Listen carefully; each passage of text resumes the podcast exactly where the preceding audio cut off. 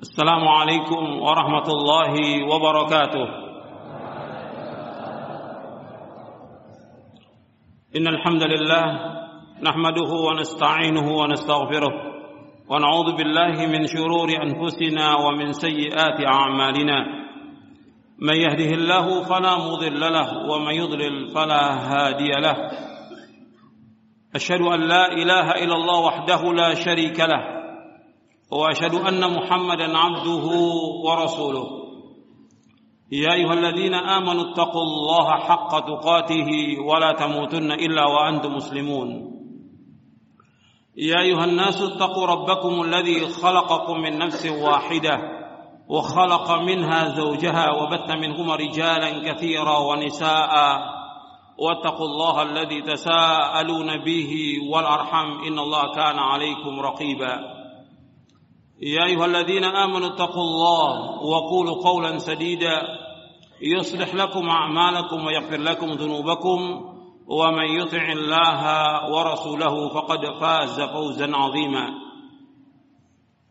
أما بعد فإن أصدق الحديث كتاب الله وخير الهدي هدي محمد صلى الله عليه وعلى آله وسلم وشر الأمور محدثاتها وكل محدثة بدعة وكل بدعة ضلالة وكل ضلالة في النار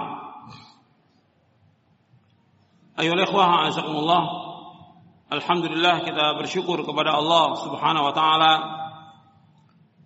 atas segala nikmat yang Allah karuniakan kepada kita, nikmat Islam, nikmat iman, nikmat sehat, nikmat afiah, nikmat dijauhkan oleh Allah dari berbagai macam malapetaka. Nikmat diberikan hidayah di atas Islam dan sunnah ini merupakan nikmat yang paling besar yang wajib kita syukuri atas semua nikmat yang Allah karuniakan kepada kita.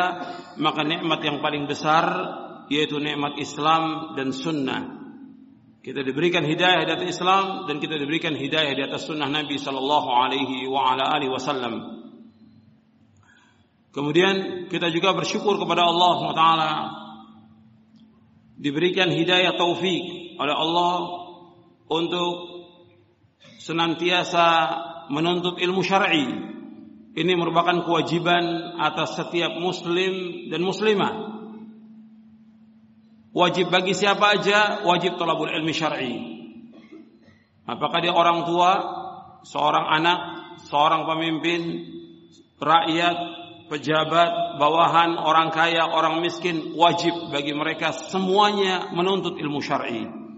Karena Nabi bersabda SAW, talabul ilmi faridatun ala kulli muslimin. Menuntut ilmu wajib atas setiap muslim. Kalau disebutkan muslim termasuk muslimah. Wajib. Kemudian juga menuntut ilmu ini harus kita lakukan terus sampai kita diwafatkan oleh Allah SWT. Nggak boleh berhenti. Nggak ada dalam Islam berhenti nuntut ilmu nggak ada. Sebagaimana juga tidak ada bagi kita berhenti ibadah tidak ada ibadah terus sampai mati, nuntut ilmu juga wajib kita tuntut sampai kita mati. Bapak Allah berfirman di akhir surah Al-Hijr, "Wa'bud rabbaka hatta ya'tiyakal yaqin." Beribadahlah kamu kepada Allah sampai datangnya al-yaqin. Maksudnya al-yaqin al-maut, datangnya kematian. Nuntut ilmu termasuk ibadah. Maka kita wajib untuk terus menuntut ilmu syar'i sampai kita wafat dan untuk ilmu ini jalan menuju sorga. Orang tanya, kenapa kita selalu dan senantiasa menuntut ilmu syar'i?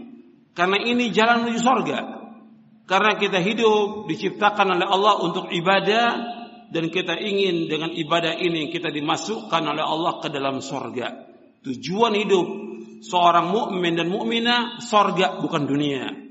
Nabi bersabda SAW, ومن سلك طريقا يلتمس فيه علما سهل الله له به طريقا الى الجنه barang siapa yang berjalan untuk menuntut ilmu maka Allah mudahkan jalannya ke surga hadis ini sahih diriwayatkan oleh Imam Muslim dan yang lainnya dari sahabat Abu Hurairah radhiyallahu an barang siapa yang berjalan untuk menuntut ilmu Allah akan mudahkan jalannya ke surga ikhwan fiddin wa akhwat fillah azakumullah Majlis ilmu merupakan taman-taman surga Majlis ilmu merupakan taman-taman sorga. Makanya ketika kita berada dalam majlis ilmu, kita ada jaga adab-adab. Ini taman-taman sorga. Kata Nabi SAW, Ida maratum biryadil jannah farta'u. Apabila kamu melewati taman-taman sorga, kamu duduk di situ. Apa taman sorga? Hilakul zikir. Halakahnya zikir yang diajarkan Quran, diajarkan sunnah Nabi Sallallahu Alaihi Wasallam. Hadis ini dihasankan oleh Syekh Al-Bani dalam silsilah hadis as-sahihah dan juga yang lainnya. Jadi hilakul zikir halakahnya zikir yang diajarkan Quran, diajarkan sunnah, diajarkan tentang hukum-hukum Allah, itu namanya halakah zikir. Makanya kita disuruh untuk bertanya kepada ahlu zikir. Ahlu zikir maksudnya ahlul ilmi. Fas'alu ahla zikri in kuntum la ta'lamun. Tanyalah kepada ahlu zikir. Maksudnya ahlu zikir yaitu orang yang berilmu jika kalian tidak mengetahui. Karena itu kalau kita berada di halaqah zikir yang kita berkumpul di sini dalam rangka mengkaji ayat-ayat Allah dan hadis-hadis Nabi SAW, maka jaga adabnya. Dengarkan baik-baik. Antum pertama kali perhatikan semuanya. Baik bagi saya, bagi antum juga. Pertama kali harus ikhlas karena Allah. Tanpa keikhlasan, nggak ada manfaatnya semua kedatangan kita. Tanpa keikhlasan, antum datang ke tempat ini nggak ada manfaatnya. Semua panitia tanpa keikhlasan gak ada manfaatnya. Itu ingat tuh. Kita diperintah oleh Allah untuk ikhlas karena Allah. Bukan untuk mencari sesuatu. Kita ingin mendapatkan ilmu yang bermanfaat. Kita ingin faham tentang agama. Kita ingin mengamalkan agama Islam dengan benar. Maka pertama kali harus ikhlas karena Allah Taala. Allah berfirman, "Wa ma umiru illa liya'budullaha mukhlishin lahuddin." Tidaklah mereka diperintah melainkan untuk beribadah kepada Allah dengan ikhlas karena Allah. Allah juga berfirman dalam surah Az-Zumar, "Fa'budillaha mukhlishan lahuddin." Dalam kamu beribadah kepada Allah dengan ikhlas semata-mata karena agamanya. Ikhlas ini dasar. Niat yang baik dasar dan tegaknya agama ini dengan dasar yang kuat yaitu ikhlas. Tanpa keikhlasan nggak akan diterima amal kita. Diperhatikan kepada semuanya, kepada saya, kepada antum, kepada panitia, kepada seluruh yang hadir, ikhwan dan akhwat, ingatkan kita datang ke tempat ini harus ikhlas karena Allah Subhanahu wa taala. Meskipun kita sudah berusaha untuk ikhlas, tapi tetap terus berusaha bagaimana supaya kita ikhlas dan diterima amal kita oleh Allah Subhanahu wa taala. Yang kedua, itu faham.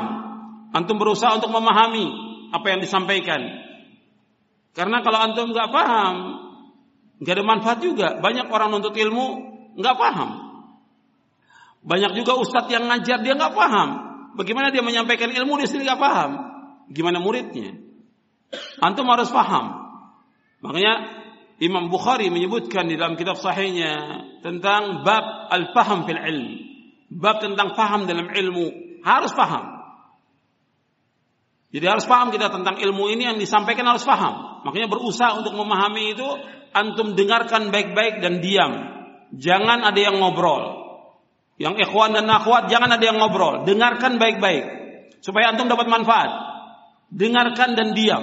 Karena dibacakan ayat Al-Qur'an, dibacakan hadis Nabi, dengarkan dan diam karena Allah yang merintahkan demikian dalam Al-Qur'an.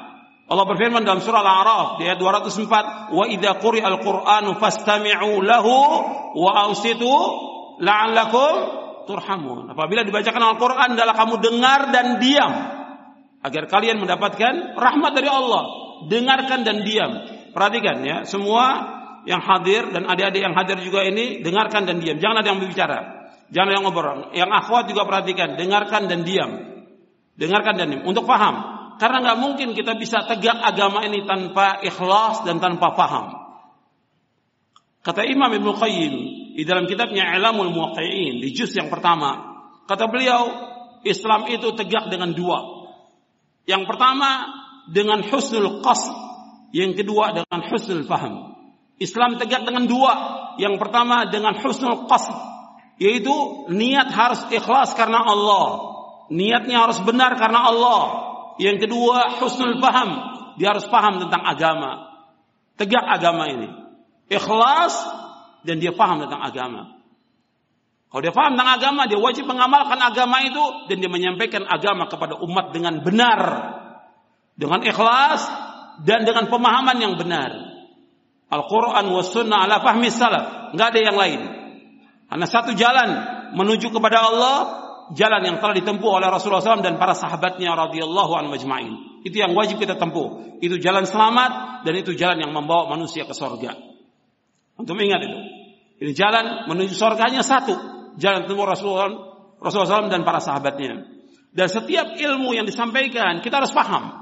Makanya para ulama ketika membaca kitab itu mereka berusaha untuk memahami isi kitab itu. Bukan sekedar tamat, tapi paham dari apa yang dikaji. Makanya untuk mendukung pemahaman ini, supaya antum paham, antum dengarkan, antum diam, untuk bisa paham yang disampaikan, antum dengarkan. Antum diam, antum catat, yang menyuruh menyuruh mencatat Rasulullah sallallahu alaihi wasallam. Nabi bersabda sallallahu alaihi wasallam, "Qayyidul ilma bil kitab." Ikat ilmu itu dengan tulisan. Hadis ini hasan.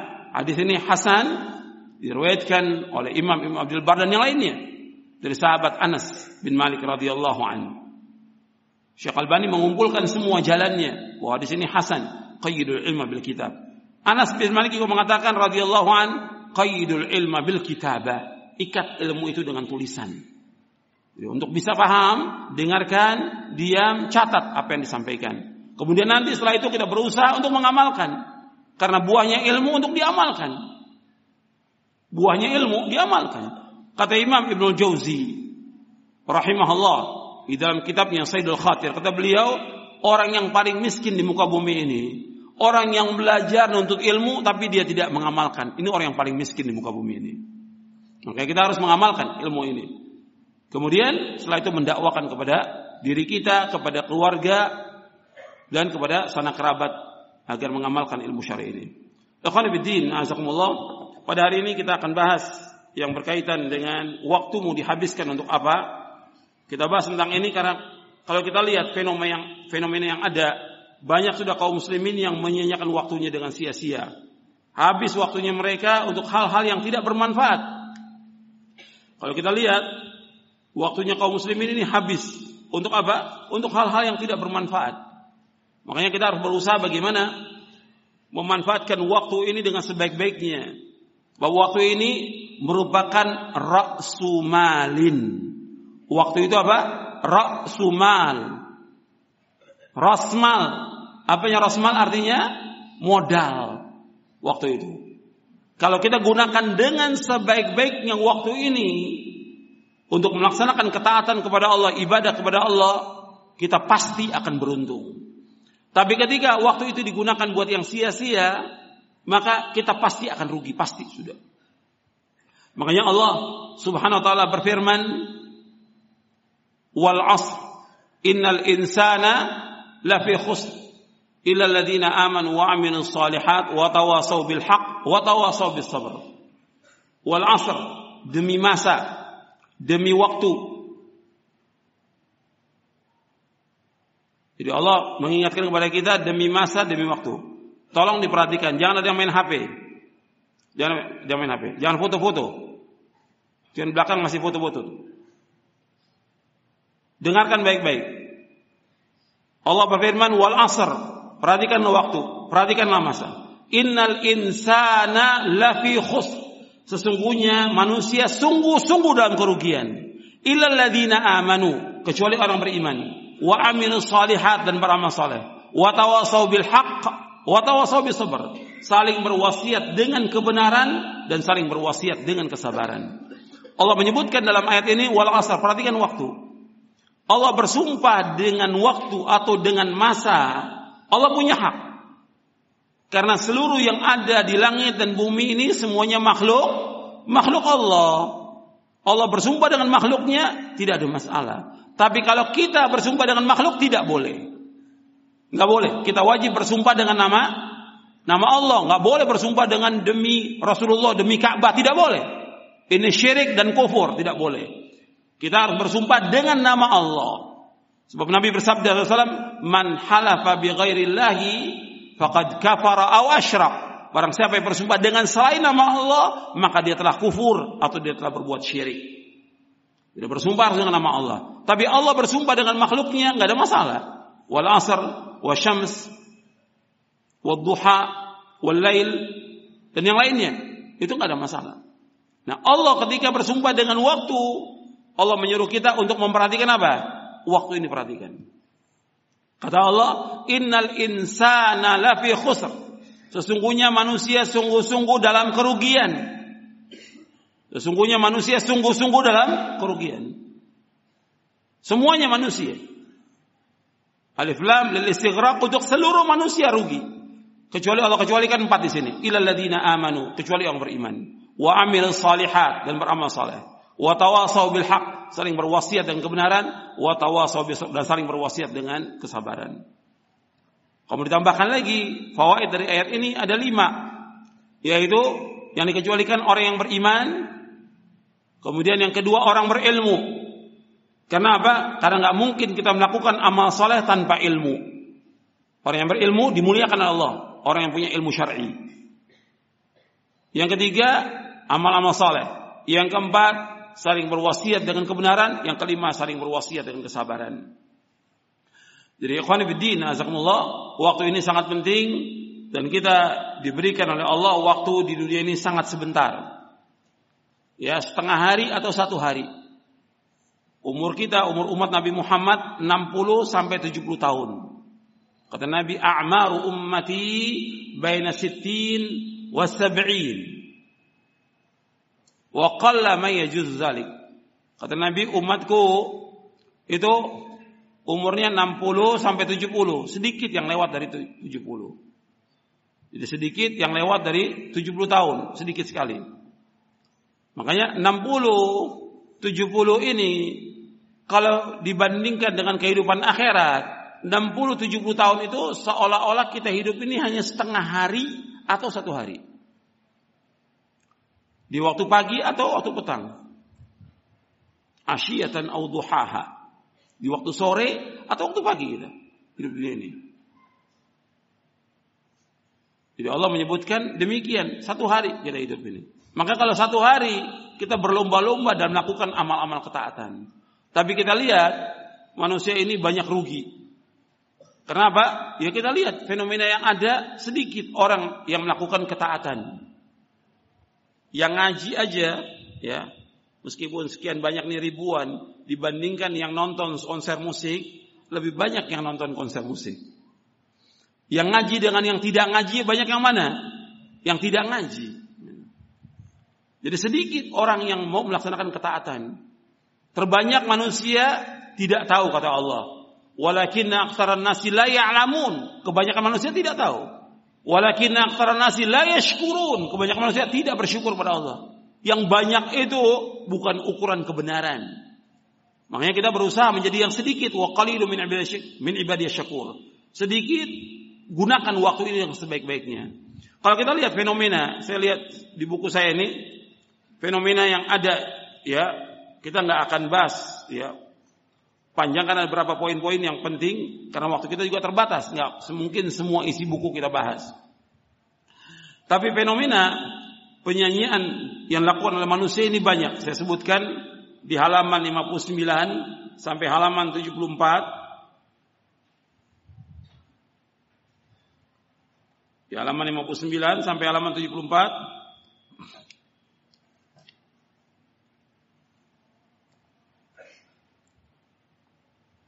Jadi fenomena di, di bab yang ketiga ya, fenomena penyanyian waktu yang dilakukan oleh kaum muslimin. Ini banyak sekali. Ya, kalau kita lihat, kalau mau dikumpulkan banyak ya. Ya orang sibuk dengan bukannya baca Al-Quran, bukan baca buku yang bermanfaat, bahkan di lembaga-lembaga dakwah pun sibuk baca koran nonton TV, habis waktunya itu. Kalau baca kitab, masya Allah manfaat.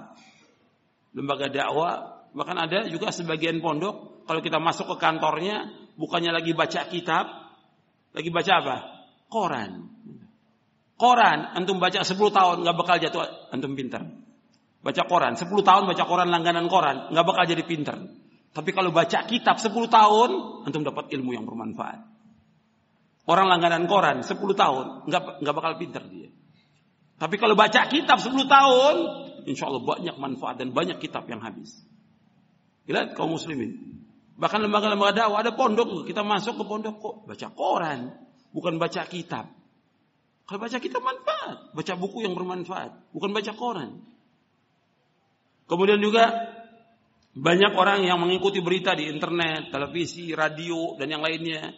Ini juga banyak yang enggak manfaat. Karena banyak semua berita-berita yang yang bohong. Kemudian juga banyak pembicaraan-pembicaraan yang dibicarakan oleh manusia itu enggak ada manfaatnya. Setiap hari dibicarakan tentang orang, riba, memfitnah, bicara tentang masalah politik dan yang lain yang enggak ada manfaatnya, yang kita bukan orangnya. Banyak habis waktu itu. Kemudian juga yang antum gunakan juga banyak menggunakan HP. Itu banyak juga bukan nggak penting, HP penting, manfaat buat kita berhubungan dengan orang. Tapi habis waktu, coba antum hitung deh dalam sehari berapa jam yang kita gunakan HP itu. Untuk SMS, untuk nulis, untuk nerima, untuk menjawab berapa habis waktu dalam sehari itu. Antum hitung. Habis waktu kita. Jadi banyak waktu yang sia-sia kalau kita hitung ini banyak. Kemudian juga banyak kita menyibukkan diri dengan hobi, banyak melakukan jalan-jalan, rekreasi, tamasya. Rekreasi tamasya boleh sekali-kali. Tapi kalau setiap Sabtu Ahad tamasya, setiap Sabtu Ahad rekreasi habis waktu kita. Kalau dibandingkan antara dia waktu rekreasi, tamasya dengan ngaji, lebih banyak berjalan-jalannya dia. Atau berkunjung ke tempat teman, berkunjung ke sini, berkunjung, itu habis waktunya. Kemudian juga yang jelas haram ya, menyibukkan diri dengan mendengarkan nasyid, lagu musik. Ini saya bahas di buku hukum lagu, musik dan nasyid. Ada buku saya tulis tentang hukum lagu. Saya bawakan dalil-dalilnya di Quran, dari sunnah Nabi yang sahih, penjelasan para sahabat, tabi'in, tabi'ut tabi'in, kemudian juga para imam, imam madhab, dan yang lainnya. Tentang haramnya musik. Ada nanti anda baca di buku itu. Kemudian juga banyak membaca buku-buku yang tidak bermanfaat. Banyak buku-buku yang antum baca nggak bermanfaat. Makanya ketika kita mau baca buku, tanya dulu kepada guru, ini buku apa yang bermanfaat? Buku-buku apa yang bisa kita baca? Sebab kita harus membaca buku yang bermanfaat buat kita. Jangan kita mampu beli, kita baca. Akhirnya buku itu Pertama betul kita keluarkan uang. Dan ini besar uang yang dikeluarkan. Yang kedua, kita baca menghabiskan waktu. Yang ketiga yang berbahaya kalau buku itu bukan buku yang benar, ngerusak kita, memberikan cubat. Dan itu yang paling parah, yang berbahaya buat kita. Makanya ketika kita akan baca buku, tanya dulu kepada guru, kepada ustadz yang paham, supaya kita tahu buku ini manfaat atau tidak. Supaya tidak sia-sia Jangan sampai waktu kita habis terbuang dengan baca buku yang tidak bermanfaat. Dulu para ulama saja dulu ya yang menyibukkan diri dengan ilmu kalam, filsafat, mereka baca buku-buku filsafat itu, akhirnya di akhir hayatnya mereka jadi orang yang bingung. Bingung dia. Bingung. Sampai matinya dalam keadaan bingung mereka. Kenapa? Enggak manfaat ilmu yang mereka cari. Dan mereka ngakui demikian. Semuanya. Saya sudah berjalan di muka bumi ini. Saya sudah baca buku-buku mereka. Tapi nggak ada manfaat sama sekali. Itu sampai akhir ayatnya. Rugi waktunya. Kan waktu kita terbatas. Dan akan ditanya oleh Allah. Waktu kita ini akan ditanya oleh Allah. Untuk apa? Akan ditanya oleh Allah. Nanti saya akan sebutkan hadisnya. Kemudian juga banyaknya main-main. Juga banyak tidur. Banyak main-main. Ini juga buang-buang waktu. Nggak boleh kita. Hidup kita ini untuk yang bermanfaat. Dunia ini Allah sebutkan dalam Al-Quran. Dunia ini Allah sifatkan dalam Al-Quran. Bahwa dunia ini apa Allah sebutkan dalam Al-Quran? Innamal hayatu dunya la'ibun walahun. Kehidupan dunia ini main-main. Beda dengan kehidupan akhirat. Kalau akhirat sungguh-sungguh kita dalam ketaatan. Kita nggak bisa main-main. Main-main sekedarnya aja. Tapi kehidupan dunia, kehidupan main-main. Kehidupannya orang kafir, kehidupan main-main. Kita jangan dibawa. Orang kafir berusaha bagaimana mengajak kita untuk sibuk dengan main-main. Orang kafir, dia ingin sama dengan mereka kita. Diajak disibukkan dengan main-main. Kehidupan dunia kehidupan main-main. Sedangkan kehidupan yang abadi, yang kekal, kehidupan akhirat, yang harus kita cari kehidupan akhirat. Yang kita harus cari kehidupan akhirat. Kemudian juga termasuk yang buang-buang waktu lagi seperti apa? Nonton televisi. Ini banyak waktu yang terbuang ini. Kalau televisinya kayak TV Roja, radio Roja manfaat. Tapi ini TV-TV yang beritanya juga nggak benar, pakaiannya juga telanjang, maksiat. Kalau kita lihat televisi yang ada lebih dari 90% itu nggak ada manfaatnya. Habis waktu. Banyak itu. Ya, dari ikhwan atau ibu-ibu juga yang habiskan waktunya di depan TV. Kau dengarkan kajian di Radio Roja, TV manfaat. Tapi kalau yang lain nggak ada manfaatnya. Habis waktu. Nonton sinetron, habis waktu nggak ada manfaatnya. Begitu juga dia sibuk dengan nonton pertandingan sepak bola itu nggak manfaat itu. Ini dibahas oleh para ulama khusus tentang masalah hakikat quratil qadam, tapi bukan di sini pembahasannya. Ada buku khusus dibahas oleh seorang syekh tebal ini, 500 halaman bukunya. Judulnya Hakikatu Quratil Qadam, hakikat main bola itu bagaimana menurut syariat. Dibahas panjang lebar di buku itu. 500 halaman. Banyak yang tidak manfaat kalau kita lihat. Habis waktu nonton bola, ikut main bola. Bukan berarti nggak boleh. Sekedarnya boleh, sekedarnya. Tapi jangan habis waktu untuk itu. Nggak boleh.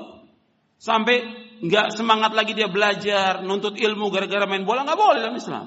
Itu hanya sekedarnya aja boleh, sekedarnya aja. Boleh. Tapi jangan sampai habis waktu kita buat yang demikian. Bahkan sampai buang-buang waktu. Atau mendengarkan lawakan atau yang lainnya. Dan juga kalau kita lihat dari permainan bola ini banyak juga menimbulkan al-wala wal bara kepada orang-orang kafir. Dan ini nggak boleh. Jadi banyak juga akibat yang jelek. Nonton bola itu atau bermain bola dia wala. Wala artinya apa? Setia, loyalitas, cinta kepada siapa? Kepada orang kafir. Membanggakan orang-orang kafir. Nggak boleh dalam Islam, hukumnya haram. Makanya harus ada barok kita kepada orang-orang kafir. Nggak boleh mencintai mereka. Nggak boleh mengagungkan mereka. Nggak boleh memuji mereka. Nggak boleh mengangkat mereka. Tidak boleh. Orang kafir sudah dihinakan oleh Allah dalam Al-Quran. Nggak boleh kita memuji, menyanjung mereka. Tidak boleh. Apalagi sampai tasyabuh meniru-niru mereka. Gaya hidup mereka. Gaya-gaya mereka. Nggak boleh dalam Islam. Kata Nabi, Man tasyabbaha biqaumin fahuwa minhum. Kata Nabi SAW, barang siapa menyerupai satu kaum, maka dia termasuk golongan mereka. Ini panjang kalau bicara soal bola aja banyak sudah yang dari akidah aja udah banyak orang-orang yang dia wala kepada orang kafir, justru dia barak kepada orang-orang Islam. Mesti dia barak kepada orang kafir dan cinta kepada orang Islam. Kemudian juga banyak melakukan angan-angan yang kosong. Banyak mengikuti berita politik ya tentang partai, tentang pejabat, tentang pemilu, tentang jabatan, tentang segala macam yang gak ada manfaatnya. Habis waktu kita dengan demikian. Maka salah kalau ada orang menganjurkan orang untuk masuk ke, ke politik, salah. Salah. Justru orang diajarkan untuk ilmu syar'i, belajar agama yang benar, paham agama yang amalkan Islam ini, bukan ke politik. Jadi jangan dengarkan orang politikus, jangan. Dengarkan para dai, dengarkan para ulama. Syekh Al-Albani rahimahullah mengatakan minas siyasatil an tarku siyasa. Kata Syekh Al-Albani rahimahullah termasuk politik sekarang ini meninggalkan politik. Karena politik yang ada politik yang kotor bukan politik syar'i. Undang-undang yang ada bukan undang-undang Islam. Belum lagi di situ ada saling menjatuhkan, saling merusak, saling menyogok, hasad, dan yang lain sudah semua terjadi. Kerusakan yang ada di dalamnya. Dan ketika dia dia sudah naik mendapatkan jabatan, apa dia membela Islam? Hmm, dia nggak bela Islam. Yang penting saya sudah dapat kursi. Habis itu nggak ada lagi yang perjuangkan buat Islam. Jadi slogan-slogan yang dia sampaikan semuanya slogan yang bohong. Itu saya bahas di mukadimah buku saya tentang jihad fisabilillah. Jihad fisabilillah saya jelaskan tentang kondisi politik dan juga partai-partai yang ada di buku itu. Kemudian juga habis juga waktu untuk kerja, untuk dagang, untuk usaha, untuk tugas. Waktu untuk kerja wajib kita kerja, wajib dagang, wajib mencari nafkah wajib, tapi jangan habis waktu kita buat itu. Kalau kita lihat sekarang ini habis waktunya, dari mulai ba'da subuh sampai malam, kerja berangkat pagi pulangnya malam, sampai ditinggalkan kewajiban dia sholat berjamaah, ditinggalkan dia untuk membaca Al-Quran, ditinggalkan kewajibannya kepada orang tuanya, kewajiban kepada istri, kepada anak, ditinggalkan karena apa? Kerja, dagang, usaha. Dagang, usaha, kerja, wajib untuk mencari nafkah. Karena kita nggak boleh hidup bergantung pada orang lain, kita wajib mencari nafkah. Tapi sekedarnya, sebagaimana Rasulullah SAW dan para sahabatnya juga sekedarnya. Tidak seperti sekarang kita lihat habis waktunya buat dagang, habis waktunya buat buat kerja, habis waktunya buat tugas dan segala macam habis waktunya. Buat akhiratnya mana? Enggak ada buat akhirat. Yang ada semua buat dunia.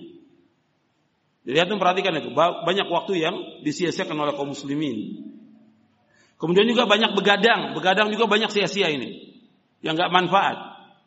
Ya begadang-begadang, kalau ada tugas sekedarnya juga kita laksanakan. Tapi jangan habis waktu buat yang demikian. Karena di waktu begadang di samping tugas yang kita lakukan, tapi juga kita harus isi dengan yang bermanfaat. Apakah dengan baca Al-Quran, dengan hafalan, dengan sholat witir, dengan doa kepada Allah di waktu malam itu. Jangan habis buat ngobrol. Ketika begadang kan banyak kumpul berapa orang tuh ngobrol, habis waktunya. Kadang-kadang menggibah orang, membicarakan aib orang lain. Banyak yang sia-sia. Coba diisi dengan yang bermanfaat. Diisi dengan bermanfaat. Kemudian lagi kalau kita lihat lagi kegiatan kaum muslimin lagi banyak lagi kegiatan yang syirik. Ya.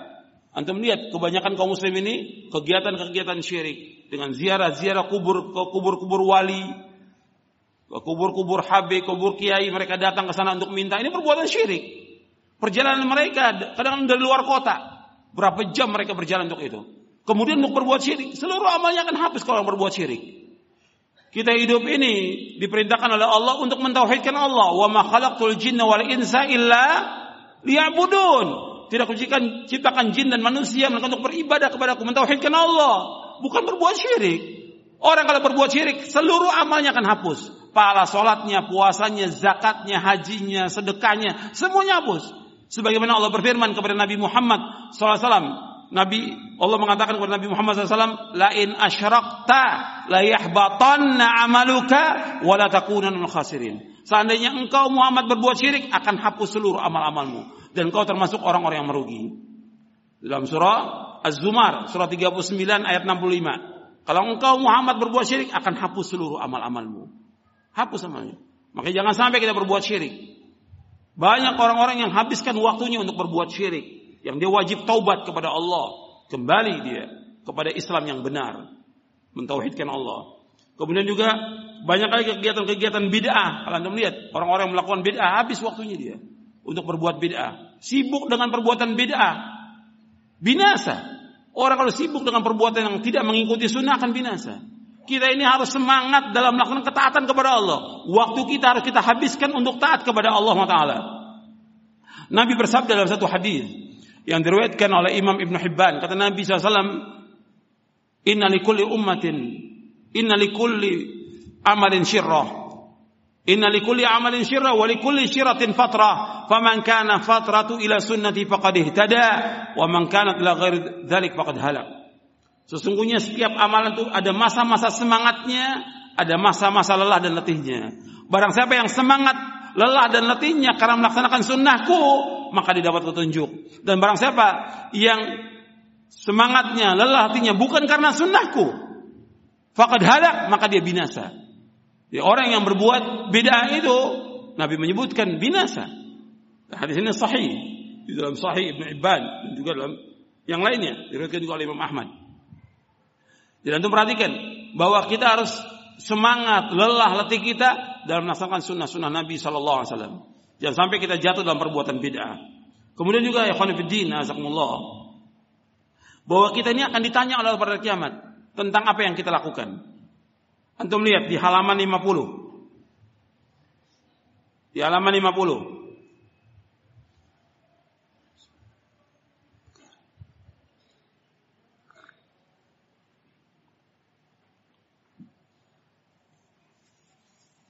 Itu masih bisa masuk lagi nggak supaya yang di tangga itu bisa naik ke atas?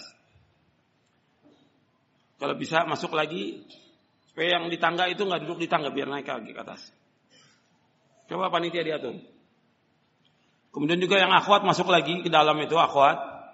Itu yang pakai cadar dibuka. Itu kan di bawah itu khusus untuk akhwat. Iya di bawah untuk akhwat semua kan? Iya di bawah itu untuk akhwat. Coba yang pakai cadar, pakai cadar itu dibuka cadarnya. Kan gak ada laki di bawah itu. Kok kenapa pakai cadar itu yang di bawah itu? Itu semuanya akhwat, jangan pakai cadar yang di bawah itu. Itu coba yang di pojok yang main HP dimatikan itu HP-nya.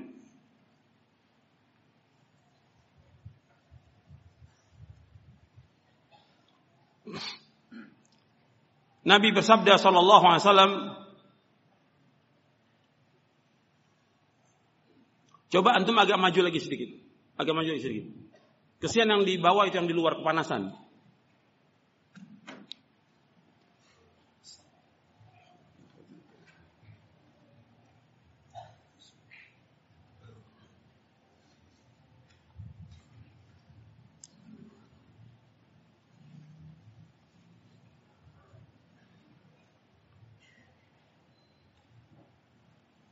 Iya, jangan semuanya masuk, nggak cukup. Allahumma salli wa sallim wa barik Ya sebagian aja masuk, nggak semuanya nggak cukup tempatnya. Ya, tolong dengarkan. Antum lihat di halaman 50. An Abi Bazzah radhiyallahu an qala qala Rasulullah sallallahu alaihi wa ala alihi wasallam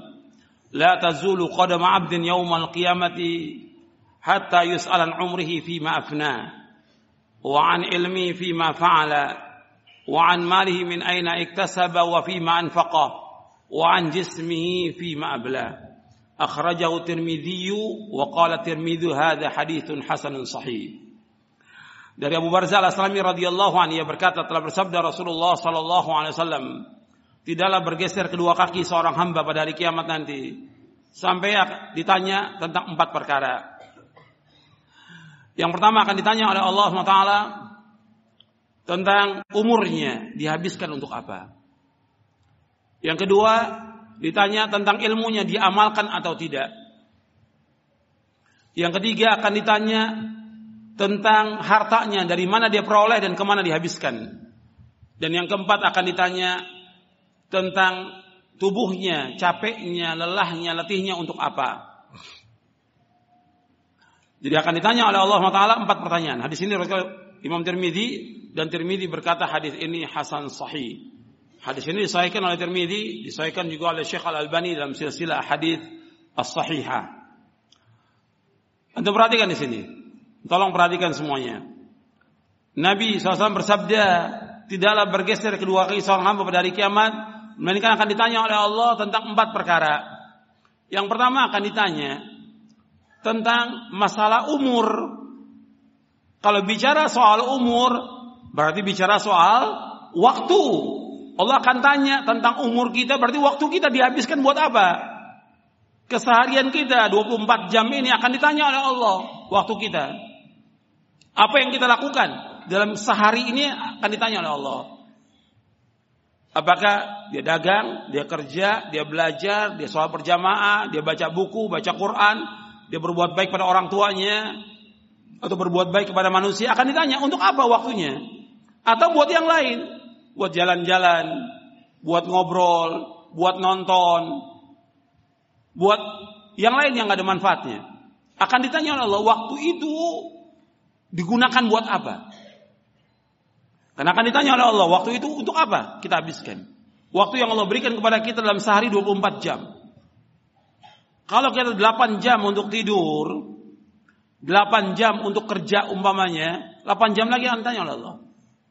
Kita sholat lima waktu, paling habis satu jam. Kalau kita betul-betul khusyuk sholatnya 10 menit, ditambah dengan sholat sunat, cuma satu jam. Tinggal tanya lagi 7 jam buat apa itu? Buat belajar, baca buku, akan ditanya oleh Allah. Untuk apa waktu itu? Akan ditanya. Itu yang pertama. Yang kedua akan ditanya oleh Allah Taala tentang ilmunya diamalkan atau tidak. Antum menuntut ilmu, antum belajar. Diamalkan atau tidak? Dan tadi sudah saya jelaskan dalam mukadimah bahwa kita nuntut ilmu ini sampai kapan? Nuntut ilmu sampai kapan kita? Sampai mati. Perhatikan itu. Kata Imam Ahmad bin Hambal, Imam Abdullah Ibn Mubarak dan imam yang lain rahimahumullah ketika mereka ditanya, "Wahai para imam, sampai kapan kita nuntut ilmu?" Ila an amut sampai aku mati. Sampai kapan nuntut ilmu? Ila an adkhulal qabra sampai saya masuk liang kubur. Sampai mati nuntut ilmu. Makanya kita belajar terus, nggak boleh berhenti. Saya dan antum sama sebagai penuntut ilmu, wajib belajar. Wajib menuntut ilmu. Paling tidak kita baca buku 4 jam dalam sehari Minimal 4 jam kita baca. Kita mengkaji Al-Quran, hadis Nabi, buku-buku para ulama, baca 4 jam. Kemudian kita amalkan. Karena ilmu untuk diapakan? Diamalkan. Allah menyebutkan tentang iman wa aminu salihat. Iman wa aminu salihat. Amal salih terus. Iman, amal salih. Iman, amal salih. Dan kata Abdullah bin Mas'ud radhiyallahu an, kata beliau, "Ta'allamu ta'allamu fa idza 'alimtum fa'malu." Belajarlah kalian, belajarlah kalian. Kalau kalian sudah belajar, amalkan. Ilmu untuk diamalkan. Bukan untuk koleksi ilmu. Terus amalkan ilmu ini. Sampai kita diwafatkan Allah. Syaratnya dalam kita beramal, beribadah dua. Yang pertama ikhlas, yang kedua apa? Ittiba. Ikhlas dan ittiba. Ini harus kita amalkan ilmu kita. Akan ditanya. Seorang da'i, seorang ustadz, seorang guru, seorang talibul ilm. Akan ditanya ilmunya diamalkan atau tidak. Kita untuk amalkan ilmu ini. Karena apa? Allah akan memberikan sorga, ganjaran sorga kepada orang yang berilmu atau orang yang beramal. Saya ulangi lagi. Perhatikan. Allah memberikan ganjaran sorga kepada orang yang berilmu atau beramal. Beramal. Allah sebutkan. Tilkal jannatul lati urithumuha bima kuntum ta'malun tilkal jannatul lati uristumuha bima kuntum ta'malun. Itulah surga yang diwariskan kepada kalian dengan sebab apa yang kalian amalkan. Allah akan membalas dengan jazaan bima kanu ya'malun. Allah membalas apa yang mereka amalkan, bukan yang mereka ketahui. Amalkan. Yang dilihat oleh Allah amal kita. Makanya nih, ilmu itu diamalkan atau tidak. Kemudian yang ketiga, harta dari mana diperoleh, ke mana dihabiskan. Allah akan tanya, Harta kita dari mana? Halal atau haram atau syubhat atau habis minta-minta atau utang nggak bayar atau yang lain akan ditanya oleh Allah harta itu dari mana? Lagi orang-orang yang korupsi akan ditanya oleh harta itu dari mana dia dapat? Karena semua milik Allah dan Allah akan tanya dari mana diperoleh? Apakah dari yang halal atau dari yang haram? Nabi sudah ingatkan dalam hadis yang sahih yang diriwayatkan Imam Bukhari kata Nabi, "Saya ala nasi zamanun la yubalil mar'u min aina akhadha mal am min halalin am min haramin." Akhrajahu al-Bukhari. Kata Nabi, nanti akan datang satu zaman orang tidak peduli lagi dari mana dia peroleh harta, apakah dari yang halal ataukah dari yang haram. Akan ditanya oleh Allah harta itu dari mana. Kalau dari yang haram, dari yang syubhat, maka yang pantas bagi orang itu neraka. Kalau dari yang haram atau yang syubhat, bagi orang itu yang pantas neraka. Kata Nabi, kullu nabatin kullu jasadin nabata min suhtin fannaru aulabi. Setiap jasad, setiap tubuh yang tumbuh dari yang haram, maka neraka lempat bagi dia. Hati-hati itu. Dari mana kita peroleh harta itu? Kemudian perhatikan lagi. Ke mana dihabiskan? Harta itu dua.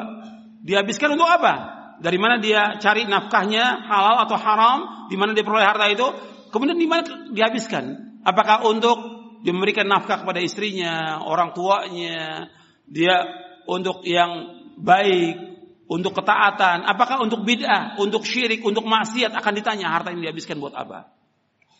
Harta ini dihabiskan untuk apa? Karena pada akhirnya harta itu milik Allah, bukan milik kita. Kemudian yang keempat, jasadnya kita, capeknya, lelahnya kita untuk apa? Apakah capeknya kita dengan nuntut ilmu, mengajar, berdakwah, sholat, tahajud, ibadah, baca Quran, bermunajat kepada Allah? Apakah capeknya kita untuk perbuatan atau kegiatan-kegiatan yang sia-sia? Akan ditanya oleh Allah. Capeknya kita, badan kita ini untuk apa? Kalau capeknya, lelahnya kita dalam rangka taat kepada Allah, ibadah kepada Allah, manfaat selama kita ikhlas. Tapi kalau capeknya bukan untuk yang manfaat yang sia-sia, maka kita rugi, rugi. Jadi perhatikan, ini masalah waktu betul-betul untuk gunakan sebaik-baiknya. Jangan sampai sia-sia waktu kita. Dan kita akan ditanya oleh Allah tentang waktu kita. Sekarang kita akan bahas setelah kita melihat fenomena penyanyian waktu yang dilakukan oleh manusia. Saya sebutkan kurang lebih ada 18 fenomena yang sudah saya sebutkan poin-poinnya. Nggak perlu saya baca. Karena yang penting poin-poinnya itu banyak dilakukan oleh manusia sia-sia. Ini kalau saya sebutkan begini, bukan hanya orang awam yang melakukan sia-sia ini. Bukan hanya orang awam, Anda perhatikan ya. Ketika saya sebutkan penyanyian waktu yang dilakukan manusia, bukan hanya orang awam, terkena kepada para penuntut ilmu, terkena kepada para dai, terkena kepada para ustadz, terkena juga kepada ulama. Banyak para dai juga yang menyanyikan waktunya dengan sia-sia. Seperti yang saya contohkan, kita masuk lembaga-lembaga dakwah atau pondok, bukannya dia sibuk dengan ilmu, sibuk dengan baca, sibuk dengan zikir, sibuk dengan bermanfaat apa? Dengan baca koran, ngobrol yang sia-sia. Hatta dai juga banyak yang menyanyikan waktunya dengan sia-sia. Banyak, banyak. Makanya kita harus betul-betul menghargai waktu ini. Kita akan ditanya Allah tentang waktu kita. Jangan sampai ada waktu yang terbuang dengan sia-sia. Bahkan juga kadang-kadang kita nggak sadar, nggak sadar seorang dai ditelepon, ditanya oleh banyak orang yang dia bukan kapasitas untuk menjawab semua pertanyaan. Habis waktunya dia. Yang waktunya kita ini sibuk dengan belajar. Saya dan antum sama. Kita nih sebagai talibul ilm harus sibuk belajar, sibuk baca. Kita nih baca kitab baru berapa kitab kita tamatkan? Baru berapa kitab? Belum sampai ribuan kitab. Kalau kita bandingkan dengan para ulama terdahulu, kita jauh-jauh sekali antara langit dan bumi. Antum lihat Ibnu Jauzi, Ibnu Jauzi dalam kitabnya Sayyidul Khatir, dia mengatakan saya masih muda di Baghdad itu baca 20 ribu jilid kitab. Masih muda, 20 ribu. 20 ribu jilid kitab. Belum seperti kitab yang sekarang, tulisannya sudah bagus, dicetak dengan bagus. Masih tulisan tangan dulu tulisan tangan dan juga kertasnya nggak rapi seperti sekarang. Itu 20 ribu jilid kitab dibaca. Imam Ibnu Jauzi. Bukan Ibnu Qayyim, Imam Ibnu Jauzi dalam kitabnya Saidul Khatir.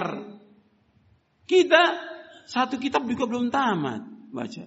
Bahkan yang berani lagi, yang keterlaluan, ada orang yang baca kitab aja belum tamat, belum bisa bahasa Arab, dakwah. Ngajar, nggak boleh. Nggak punya hak sama sekali dia untuk dakwah. Sekarang banyak yang tampil dai-dai yang nggak ngerti. Dai karbitan. Gitu. Yang nggak ngerti agama ceramah. Ini ngerusak agama orang-orang seperti ini. Ngerusak agama. Nggak boleh dalam Islam. Orang yang berdakwah wajib dia menuntut ilmu. Nggak boleh dia berdakwah tanpa ilmu. Apalagi bekas pelawak, bekas penyanyi mau dakwah. Nggak boleh. Belajar dulu. Bekas pendeta, mantan pendeta. Wajib dia belajar agama. Al-Quran wa sunnah salaf. Sampai dia menguasai baru dia berdakwah. Gak punya hak sama sekali berdakwah. Karena apa? Allah menyatakan demikian dalam Al-Quran. Anda melihat dalam surah Yusuf, surah 12 ayat 108. Allah berfirman, Qul hadhi sabili ad'u ila Allah ala basiratin ana wa man ittaba'ani wa subhanallahi wa ma ana minal musyrikin. Qul hadhi sabili katakanlah inilah jalanku, ini manhajku, ini sunnahku, Ad'u ila Allah, aku mengajak manusia ke jalan Allah. Ala basiratin, ala ilmin wa yakinin dengan dasar ilmu dan keyakinan. Ana wa man itabani, aku dan orang-orang yang mengikuti aku. Wa subhanallah, maha suci Allah, wa ma ana musyrikin. Dan aku tidak termasuk orang aku tidak termasuk orang berbuat syirik. Ya dakwah harus dengan ilmu. Dakwah ala basirah dengan dasar ilmu. Enggak boleh orang berdakwah tanpa ilmu. Dan itu nasihatnya para ulama. Enggak boleh. Yang sekarang ini dianggap gampang dakwah ini. Apalagi menisbatkan diri kepada salaf. Padahal nggak ngerti agama. Pejabat sekarang sudah berdakwah. Baru punya jenggot sedikit sudah dakwah. Kapan dia ngajinya? Kapan untuk ilmunya? Sudah berdakwah. Nggak punya hak sama sekali dia berdakwah. Yang berhak dakwah orang yang punya ilmu, menguasai Quran, menguasai sunnah, ala fahmi salaf, baru dia berdakwah. Kalau kita lihat kerusakan dakwah yang ada karena muncul orang-orang yang tidak berilmu, yang nggak punya faham mantan penyanyi dia harus belajar dulu mantan pelawak belajar dulu atau dia bekas apa lagi pendeta belajar. Bukan dia suruh ceramah, cerita tentang dirinya. Nggak boleh dalam Islam. Perbuatan dosa dia wajib dia tutup. Nggak boleh ceritakan pada manusia. Karena Nabi menyebutkan, Kullu ummati mu'afan ilal mujahirin. Setiap umatku akan diampunkan dosanya kecuali yang mujahir. Mujahir artinya orang-orang terang-terangan berbuat dosa. Tadi malam dia berbuat dosa, Allah sudah tutup. Dia ceritakan lagi pada orang lain. Perbuatan dia yang lalu tutup, nggak boleh ceritakan pada orang lain, nggak boleh dalam Islam. Tutup, tobat kepada Allah dengan taubatan naswa, belajar agama ini. Paham antum? Ya. Sekarang kita masuk tentang uh, efisiensi waktu. Hal-hal yang dapat membantu dalam mengefisiensikan waktu kita. Antum lihat bab yang kelima.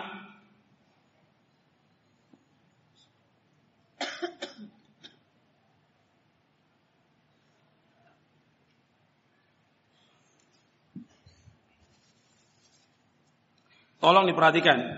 Ya, yang punya bukunya dilihat, yang tidak punya buku dicatat. Jangan tidur. Perhatikan, jangan tidur, jangan ngantuk. Ini majelis ilmu, majelis zikir dihadir oleh malaikat. Jangan tidur. Ini bukan tempat tidur. Perhatikan baik-baik. Supaya antum manfaat. Kita ingin saya manfaat, antum juga manfaat. Waktu kita jangan terbuang dengan sia-sia. Hal-hal yang dapat membantu dalam mengefisienkan waktu. Artinya hal yang dapat membantu kita dalam kita menggunakan waktu ini untuk hal yang bermanfaat. Yang pertama, ini nggak semuanya saya baca, ada beberapa mungkin ada 10 yang perlu saya baca kepada antum. Sadar akan pentingnya waktu. Jadi waktu ini betul-betul kita ini terbatas.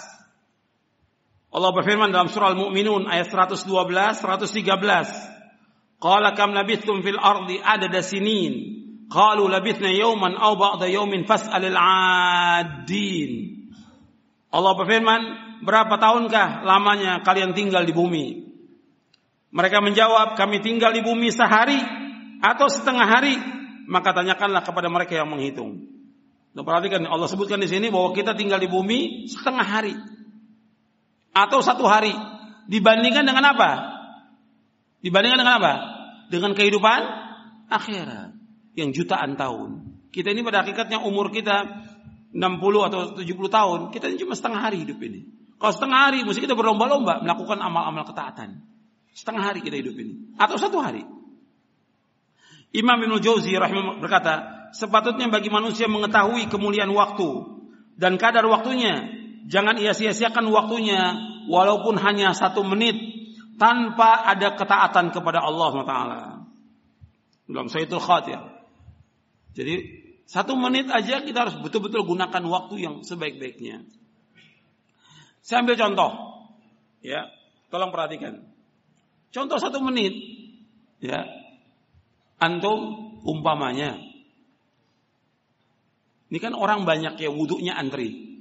Lagi antum antri wudhu, bisa kan antum ucapkan Astagfirullah, Astagfirullah, Astagfirullah, Subhanallah, Alhamdulillah, La haula wa la Bisa nggak itu? Bisa. Manfaatnya itu? Manfaat. Antum nunggu bis, nunggu kereta, atau sambil bawa motor, bisa antum berzikir kepada Allah. Manfaat tidak? Manfaat. Jadi hatta satu menit manfaat waktu itu. Kita nunggu. Jadi waktu itu harus berharga. Apa yang bisa kita baca, kita baca. Kita bawa mobil, berzikir kepada Allah. Macet, kita bisa lakukan yang lain. Bisa baca, atau bisa nulis, catat, atau sambil dengarkan ayat Al-Quran. Nanti jalan lagi, kita berzikir lagi kepada Allah. Banyak waktu yang bermanfaat yang bisa kita lakukan. Kita kadang-kadang nggak gunakan itu. Kesempatan-kesempatan itu banyak sekali yang kita bisa berzikir kepada Allah. Sebab semua umur kita akan ditanya oleh Allah. Maka jangan kita disibukkan dengan dunia, jangan disibukkan dengan angan-angan kosong. Kalau orang kafir, mereka sibuk dengan dunia. Memang mereka dikasih kenikmatan apa? Dunia, semuanya. Makanya dunia ini bagi orang yang beriman apa? Penjara. Ad-dunya sijnul mu'min wa jannatul kafir. Kata Nabi SAW. Dunia itu penjaranya bagi orang beriman, sorga bagi orang kafir. Hadis sahih riwayat Muslim dan Tirmidzi. Orang kafir Allah sebutkan dalam Al-Qur'an, "Zarhum ya'kulu wa yatamatta'u wa yulhimul amal fasawfa ya'lamun. Biarkan mereka dunia makan dan bersenang-senang dan dilalaikan oleh angan-angan kosong. Mereka kelak akan mengetahui akibat perbuatannya. Dalam surah Al-Hijr ayat 3. Ya orang-orang kafir ini angan-angannya kosong.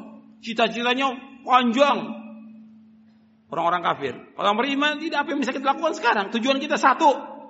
Apa?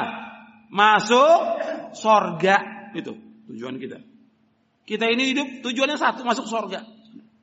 Makanya Nabi SAW selalu minta kepada Allah, minta surga dijauhkan dari api neraka. Tujuan itu.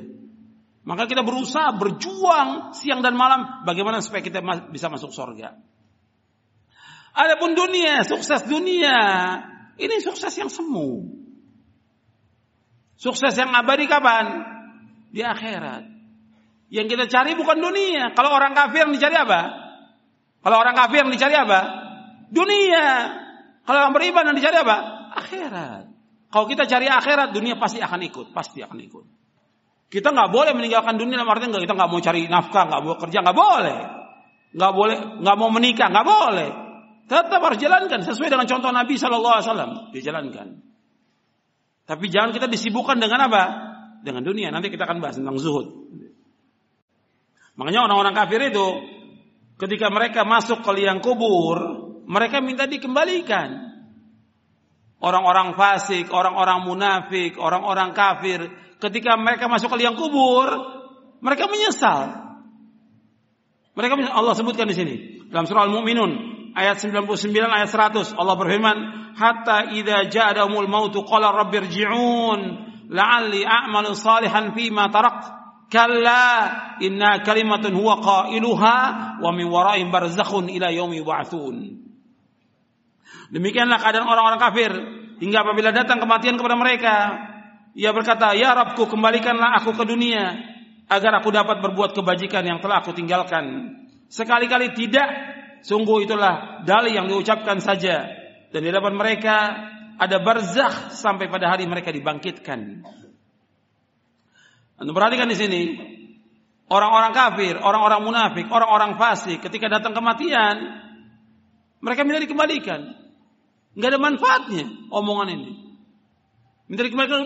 Mereka mengatakan la ali amalu salihah. Barangkali kami bisa melakukan amal soleh. Udah nggak ada manfaatnya. Makanya melakukan amal soleh kapan? Sekarang. Kita berlomba-lomba melakukan amal soleh.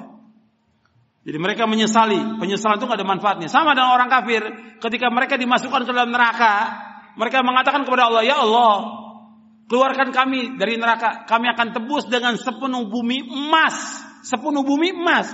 Bermanfaat atau tidak? Enggak bermanfaat. Mereka kekal dalam neraka selama-lamanya. Wa ma hum minha. Mereka akan keluar dari neraka selama-lamanya. Makanya kita gunakan waktu kita dengan sebaik-baiknya. Dan perhatikan bahwa waktu ini sangat berharga. Nabi bersabda SAW dalam hadis yang sahih yang diriwayatkan oleh Imam Bukhari, Tirmidzi, Ibnu Majah, Ahmad, Darimi dan yang lainnya dari sahabat Ibnu Abbas radhiyallahu anhu Nabi bersabda sallallahu alaihi wasallam ni'matani maghbunun fi ma katsirun minan nas as-sihhat wal faragh. Antum lihat di halaman 89, halaman 90.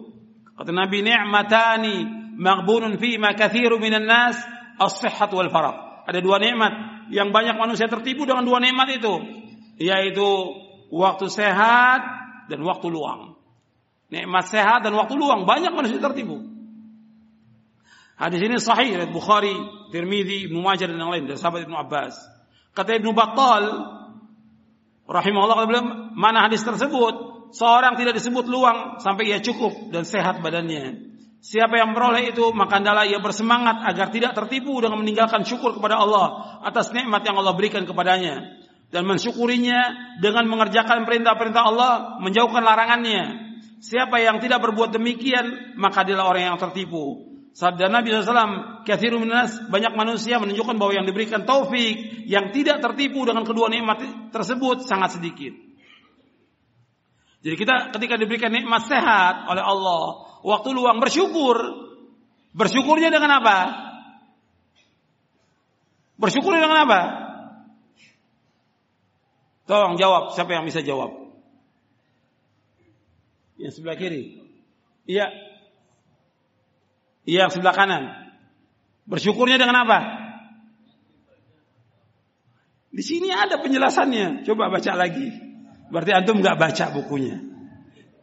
Coba baca. Mensyukurinya dengan apa? Mensyukurinya dengan apa?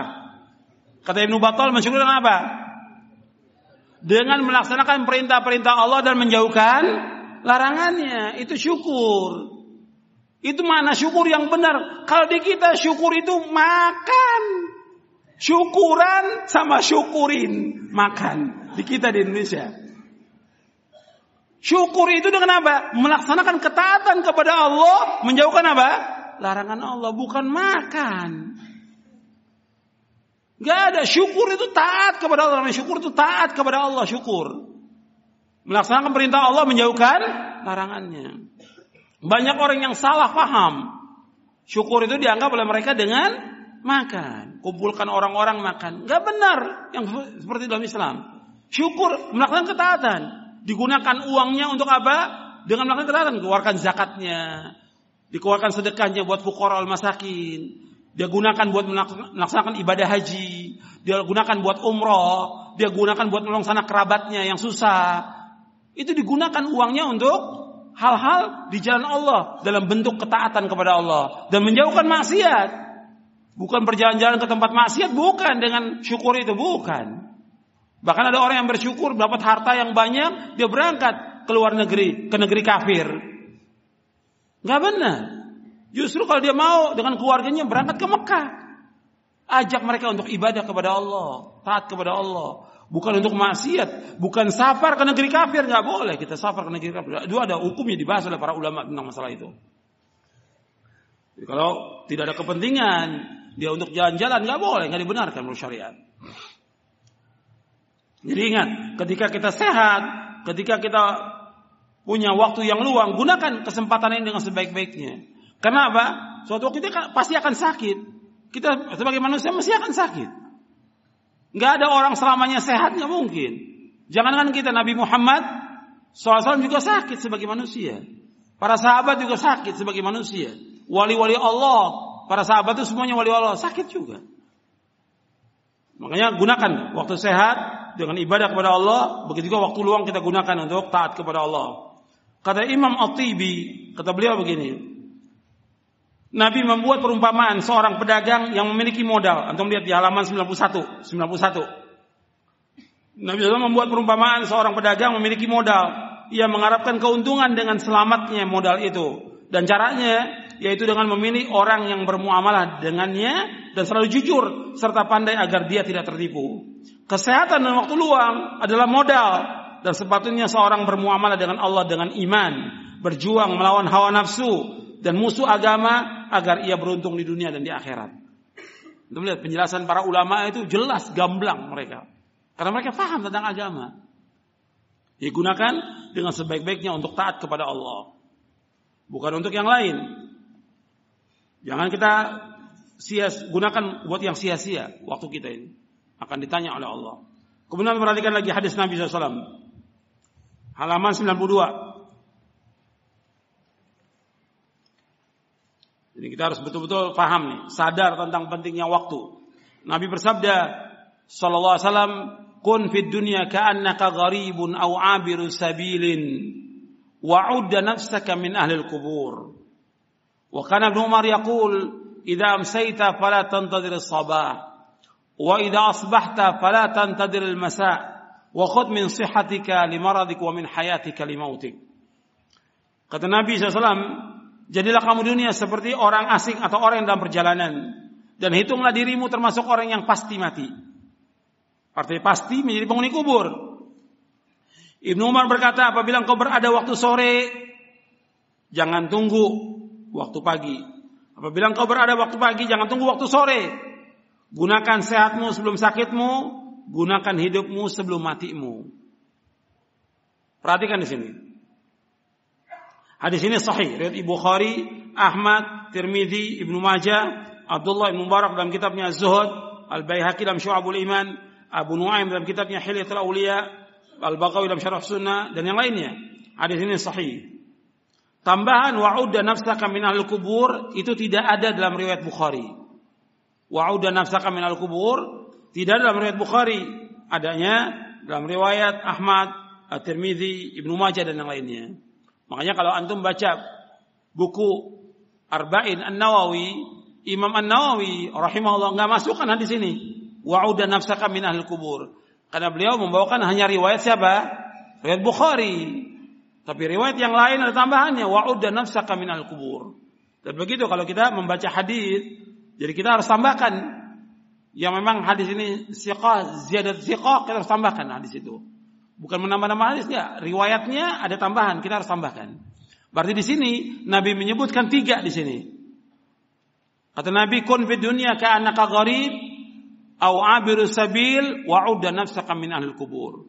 Kata Nabi, hendaklah kamu jadi dunia seperti orang asing atau orang yang dalam perjalanan dan jadilah kamu termasuk orang yang pasti mati. Tiga di sini. Yang pertama di sini yang diperhatikan yaitu orang asing. Kita menempatkan diri kita sebagai orang asing.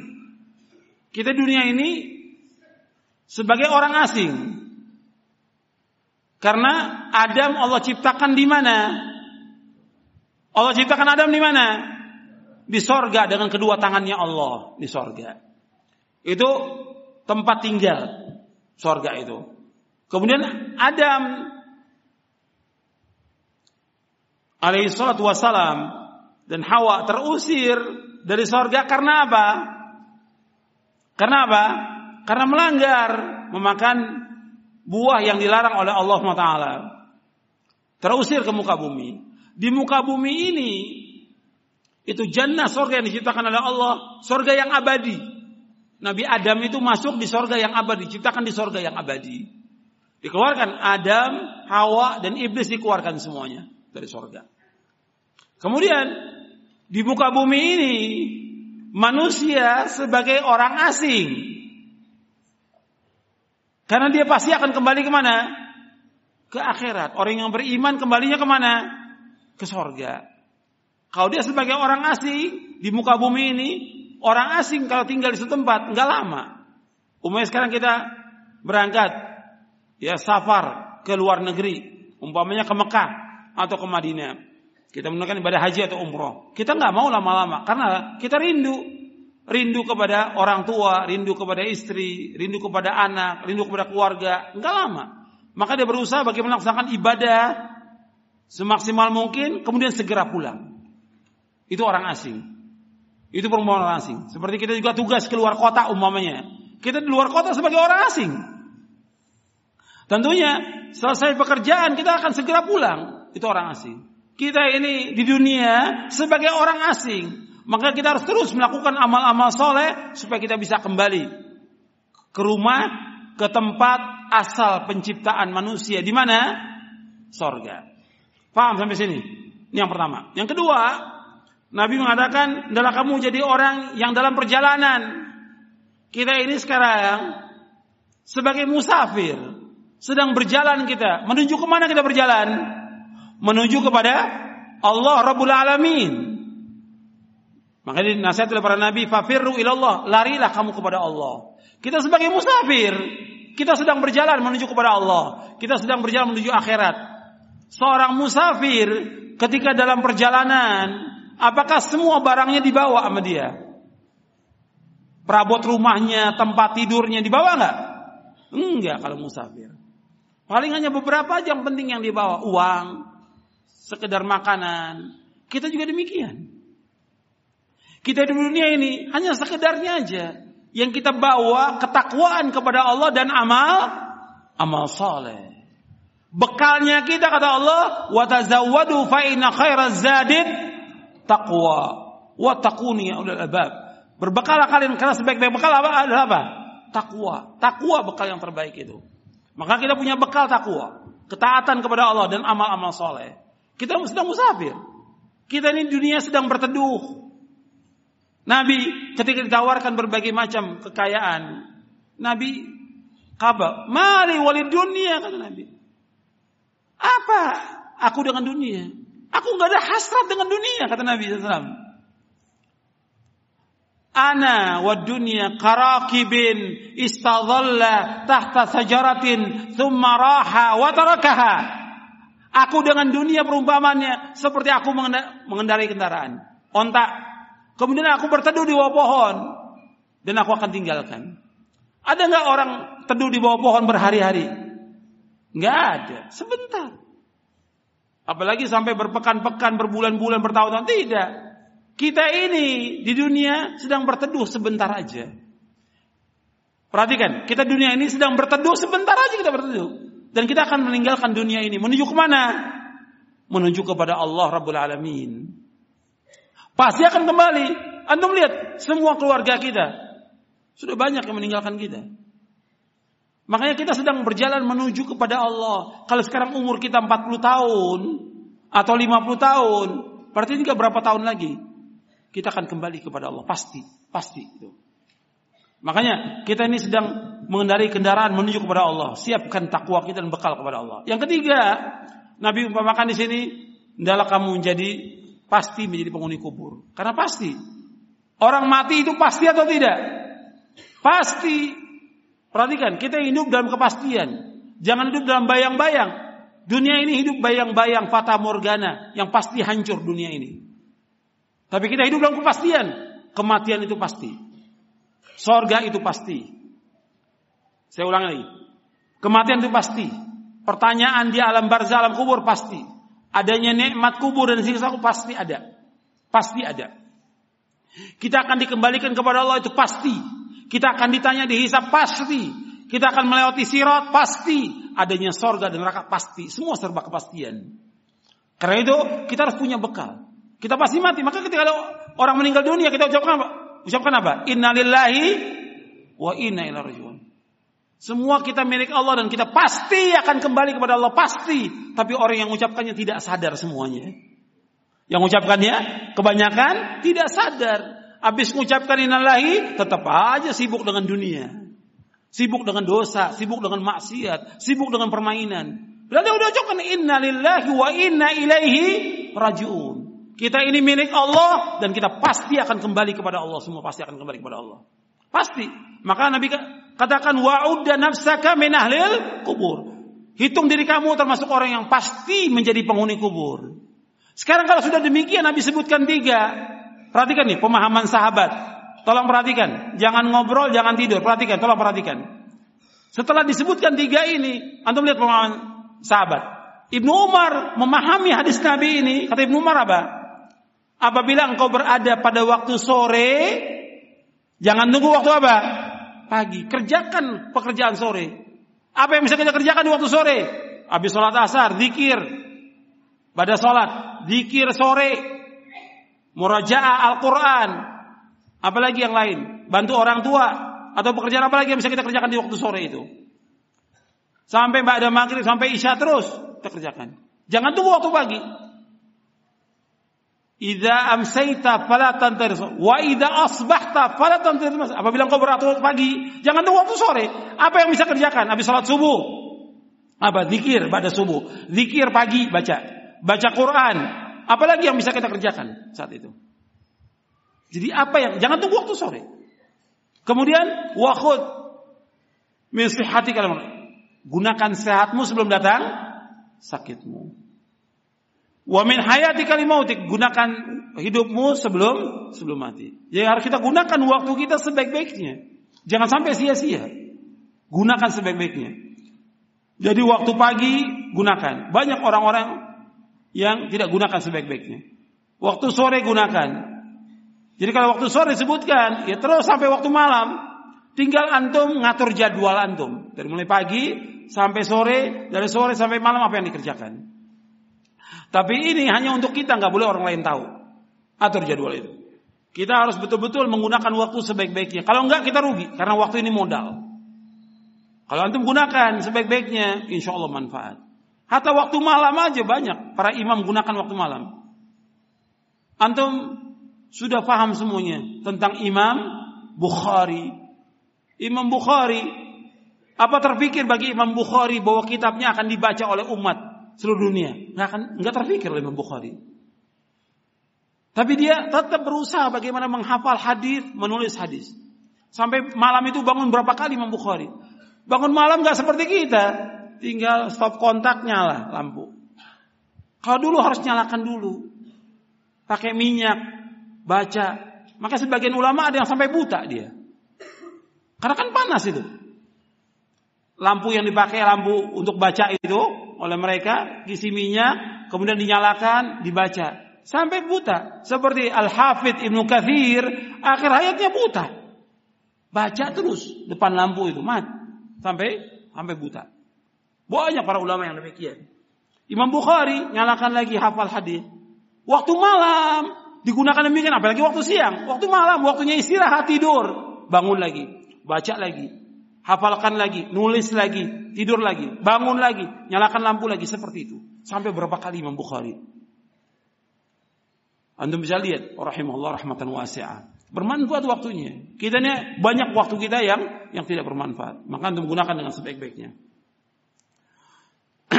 Kemudian di sini juga disebutkan oleh Imam Nawawi. Antum perhatikan perkataan Imam Nawawi, ini bagus sekali buat kita semuanya ini. Halaman 94. Kata Imam Nawawi, hendaklah seorang penuntut ilmu berkemauan keras untuk belajar ilmu syar'i.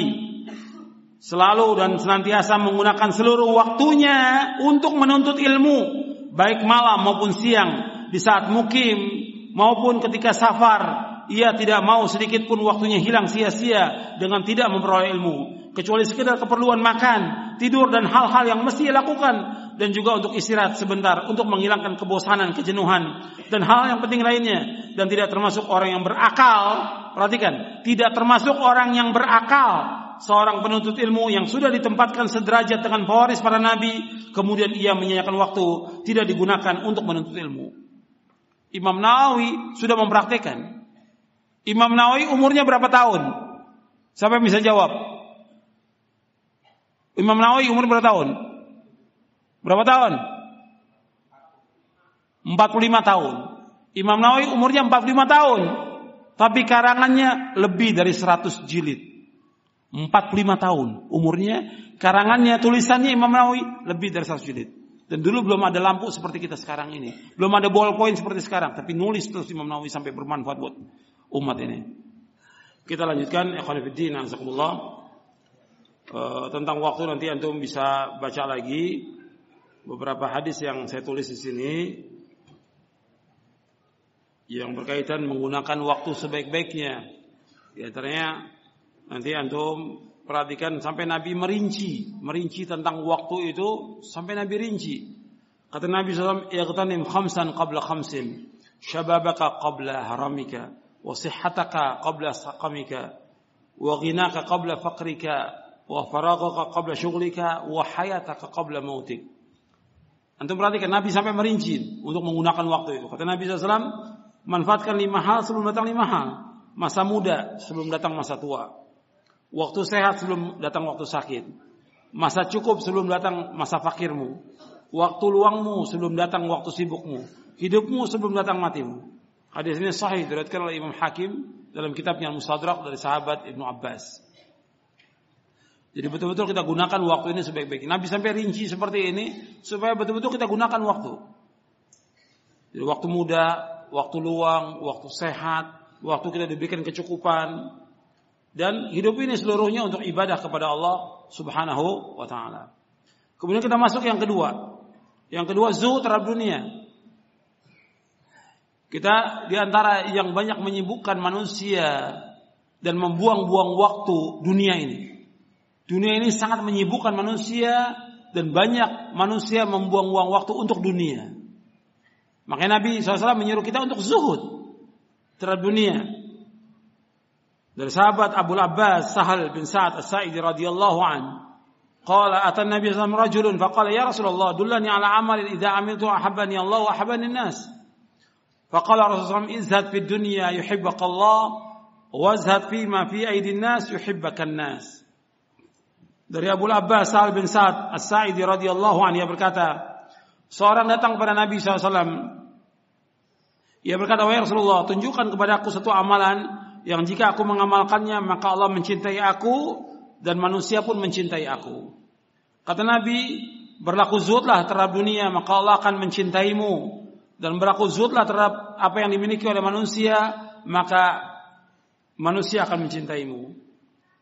Hadis ini hasan diriwayatkan oleh Imam Ibnu Majah dari sahabat Sal bin Sa'ad As-Sa'idi disahihkan oleh Al-Hakim diasakan diasankan juga oleh Al-Hafidz Al-Iraqi dan yang lainnya. Hadis ini hasan disuruh kita untuk zuhud. Apa makna zuhud?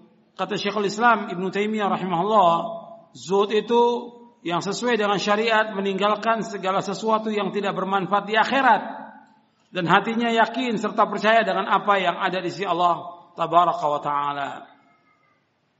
Jadi zuhud meninggalkan apa yang tidak bermanfaat di akhirat. Ya dunia nggak bermanfaat di akhirat. Kesibukan dengan dunia nggak bermanfaat di akhirat.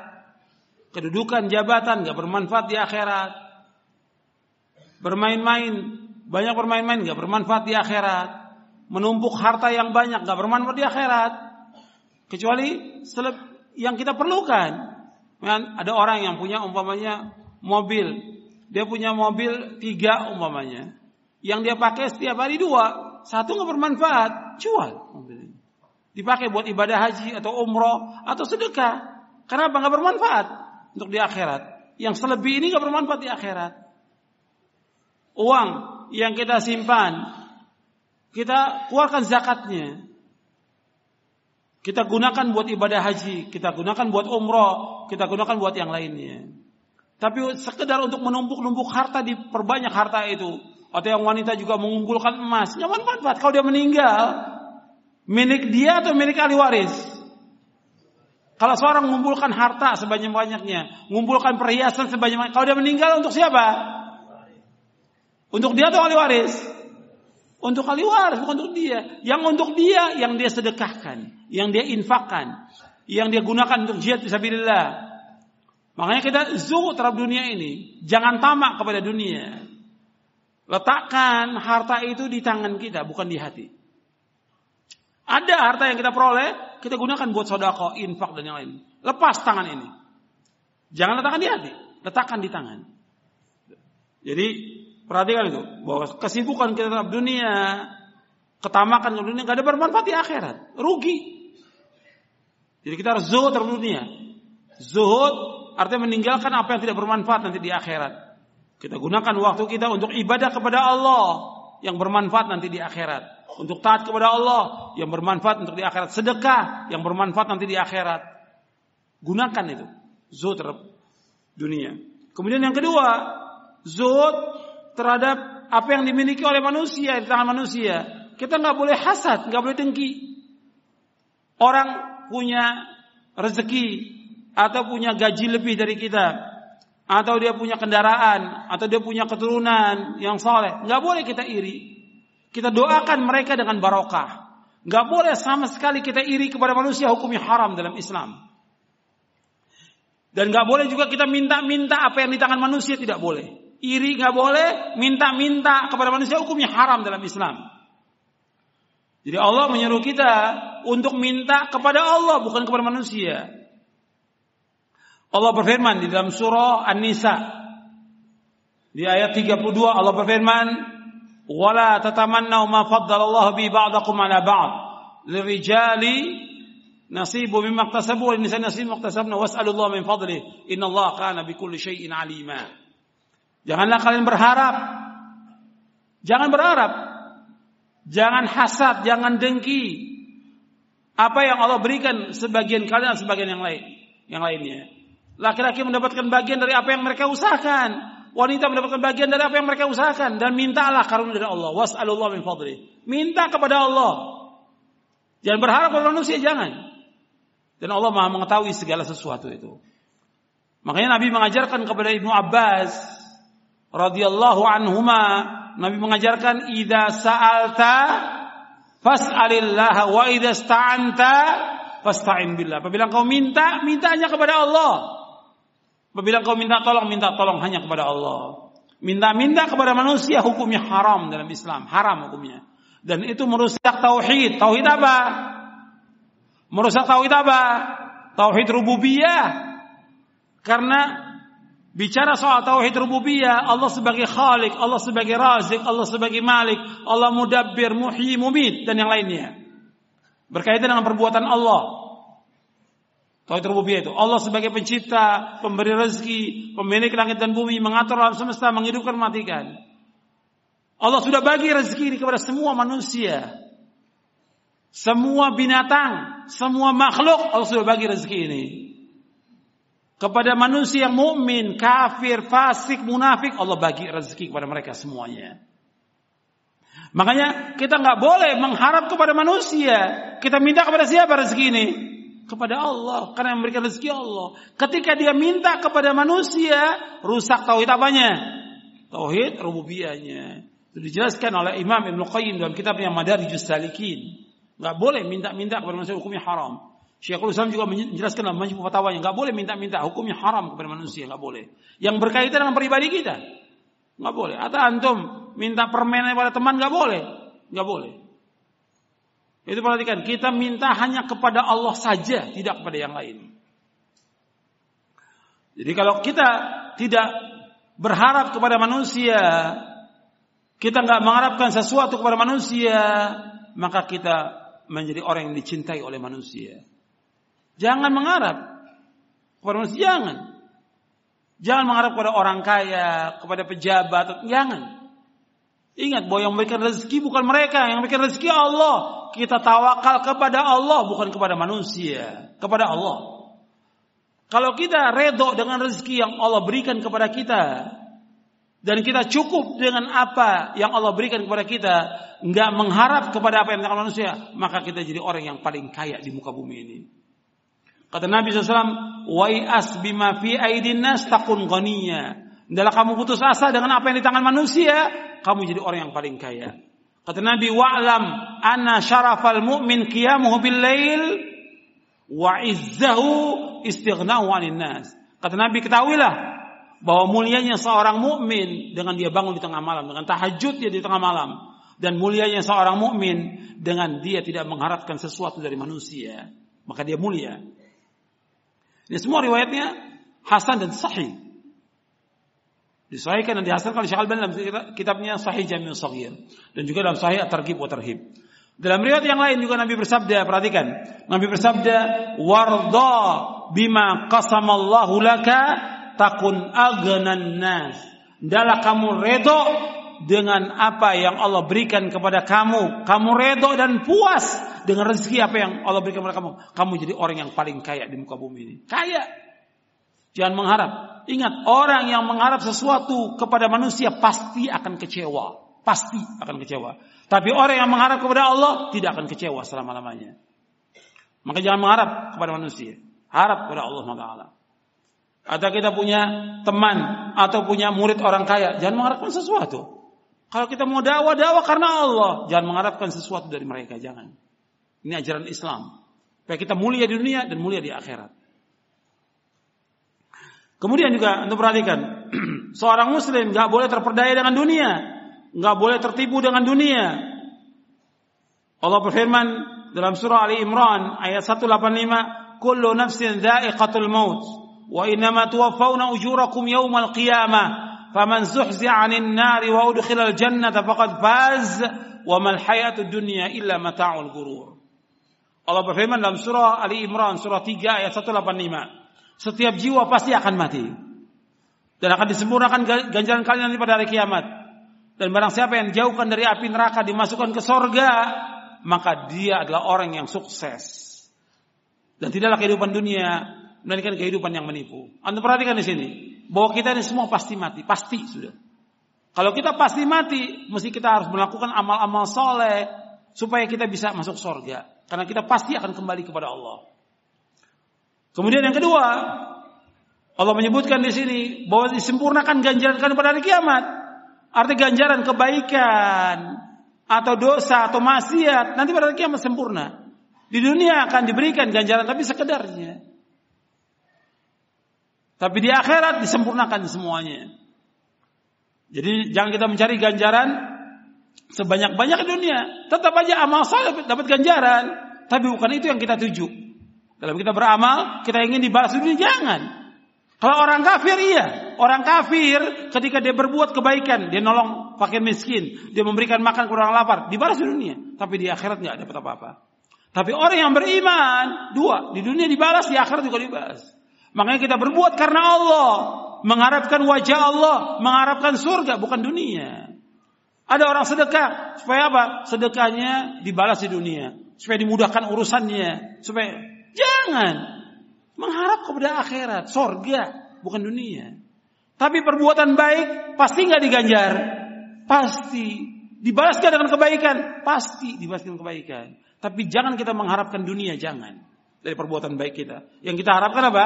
Akhirat dan sorga. Yang ketiga, Allah menyebutkan, barang siapa yang dijauhkan dari api neraka, dimasukkan ke sorga, dia orang yang sukses. Faman 'anil nari wa udkhilal jannata faqad faz. Barang siapa yang dijauhkan dari neraka, dimasukkan ke sorga, maka dia orang yang sukses. Jadi ukuran sukses menurut Al-Quran, orang yang dimasukkan ke mana? ke sorga itu sukses. Kalau punya titel, punya gelar, punya kedudukan, punya jabatan, punya harta yang banyak, punya mobil banyak, punya rumah yang luas, bukan sukses. Bukan sukses. Itu dia tertipu dengan dunia. Itu sukses yang sifatnya apa? Semu, fata morgana. Sukses yang hakiki dan abadi orang itu jauhkan dari api neraka dimasukkan ke sorga baru dia sukses. Orang ini kadang-kadang tertipu dengan dunia, tertipu dengan dunia. Jadi kalau orang sukses, orang tua ini yang namanya anak sukses, kalau anaknya sudah punya gelar, punya jabatan, punya kedudukan, punya harta yang banyak, punya rumah yang luas, punya mobil yang banyak, sukses. Bukan. Yang sukses yang sebenarnya dimasukkan ke sorga. Kalau antum mau lihat orang yang sukses, yang pertama para nabi dan para rasul alaihi wassalam, mereka sukses. Yang kedua para sahabat. Para sahabat itu yang terbanyak mereka orang kaya atau orang miskin? Orang miskin mereka banyak para sahabat. Tapi mereka taat kepada Allah. Mereka adalah orang-orang yang soleh. Mereka wali-wali Allah yang paling mulia di muka bumi ini. Para sahabat radhiyallahu majma'in. Tapi Allah katakan kepada kepada mereka semuanya wa kullan wa'adallahu husna Semuanya kami jamin mereka dengan sorga. Itu orang sukses, para sahabat. Tapi mereka hidup apa adanya. Bukan kita mengharapkan miskin, tidak. Tapi kita tetap melakukan amal-amal soleh, bekerja. Kalau kita diberikan kekayaan, Alhamdulillah. Gunakan kekayaan untuk taat kepada Allah. Gunakan kekayaan untuk berjihad di jalan Allah. Gunakan kekayaan untuk menegakkan agama Islam. Sebagaimana Abu Bakar As-Siddiq radhiyallahu an, Umar seperti Utsman bin Affan radhiyallahu an, Abdurrahman bin Auf dan yang lainnya para sahabat yang mulia. Mereka diberikan harta oleh Allah untuk menegakkan agama ini di muka bumi. Maka mereka mulia di dunia ini dan mulia di akhirat. Jelas? Jadi sukses ukurannya mana? Akhirat bukan dunia. Kita udah tertipu nih. Dengan asabu dunia, tertipu. Sampai orang-orang tua kita pun tertipu. Jadi orang tua kita kalau nyuruh kita sekolah supaya apa? Supaya dapat gelar, dapat kedudukan, dapat duit yang banyak. Gitu. Habis itu setelah dapat uang yang banyak gimana? Digunakan buat dosa, buat maksiat, buat segala macam. Ini bukan sukses. Orang yang diberikan oleh Allah kekayaan, harta yang banyak, dan dia terus berbuat maksiat, namanya apa orang yang seperti ini? Diberikan apa oleh Allah? Istidraj. Istidraj artinya diulur oleh Allah. Sampai suatu waktu datang, disiksa dengan siksaan yang berat bagi orang itu.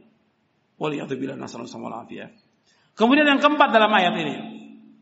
Yang keempat dalam ayat ini Allah menyebutkan wa mal hayatud dunya illa mata'ul gurur. Dan tidak kehidupan dunia melainkan kehidupan yang apa? Menipu. Allah menyebutkan dunia ini menipu. Jangan kita tertipu dengan dunia. Sudah banyak orang tertipu dengan dunia. Bukan hanya orang awam. Penuntut ilmu, para dai, para ustadz, kiai, ulama. Udah banyak yang tertipu dengan dunia. Tertipu dia dengan dunia. Tertipu dia dengan dunia. Banyak, bukan satu. Banyak yang tertipu. Makanya kita nggak boleh tertipu dengan dunia. Nggak boleh. Jabatan, kekuasaan, itu masuk akhirat atau dunia? Dunia. Kekuasaan, harta, semua dunia. Jangan kita tertipu dengan dunia, jangan. Jangan, jangan dekat dengan penguasa, jangan. Tertipu, udah banyak yang tertipu. Kita harus tetap istiqamah di atas Quran wa sunnah misal dan ketaatan kepada Allah sampai kita diwafatkan oleh Allah. Kita hidup sederhana dengan ketaatan, jangan tertipu dengan dunia. Kemudian selanjutnya, kita masuk yang ketiga. Yang ketiga, senantiasa mengingat kematian. Jadi kita harus terus ingat kepada kematian.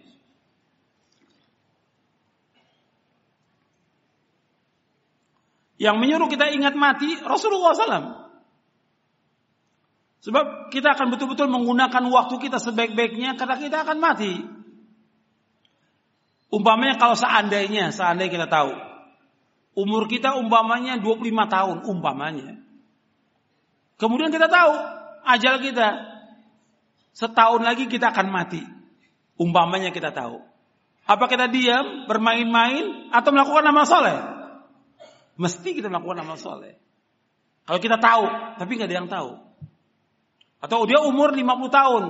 Dia tahu bahwa umurnya 51, dia pasti meninggal umpamanya. Kalau dia tahu demikian, mesti nggak akan dia sia-siakan waktu itu. Setiap hari dan setiap menit, setiap jam, dia melakukan amal soleh. Karena apa? Dia pasti akan ditanya di kuburnya. Dan dia pasti akan kembali kepada Allah dan akan dihisap. Makanya Nabi menyuruh kita, Sallallahu Alaihi Wasallam, untuk banyak ingat mati. Supaya betul-betul kita gunakan waktu kita untuk taat kepada Allah. Kata Nabi SAW, Aktiru zikra hadimil ladzat al-maut. Kata Nabi, perbanyaklah kalian mengingat penutus, pemutus, pemotong kelezatan. Pemutus kelezatan atau pemotong kelezatan yaitu kematian. Hadis ini sahih, Hasan Sahih, Ahmad Tirmidzi dan yang lainnya.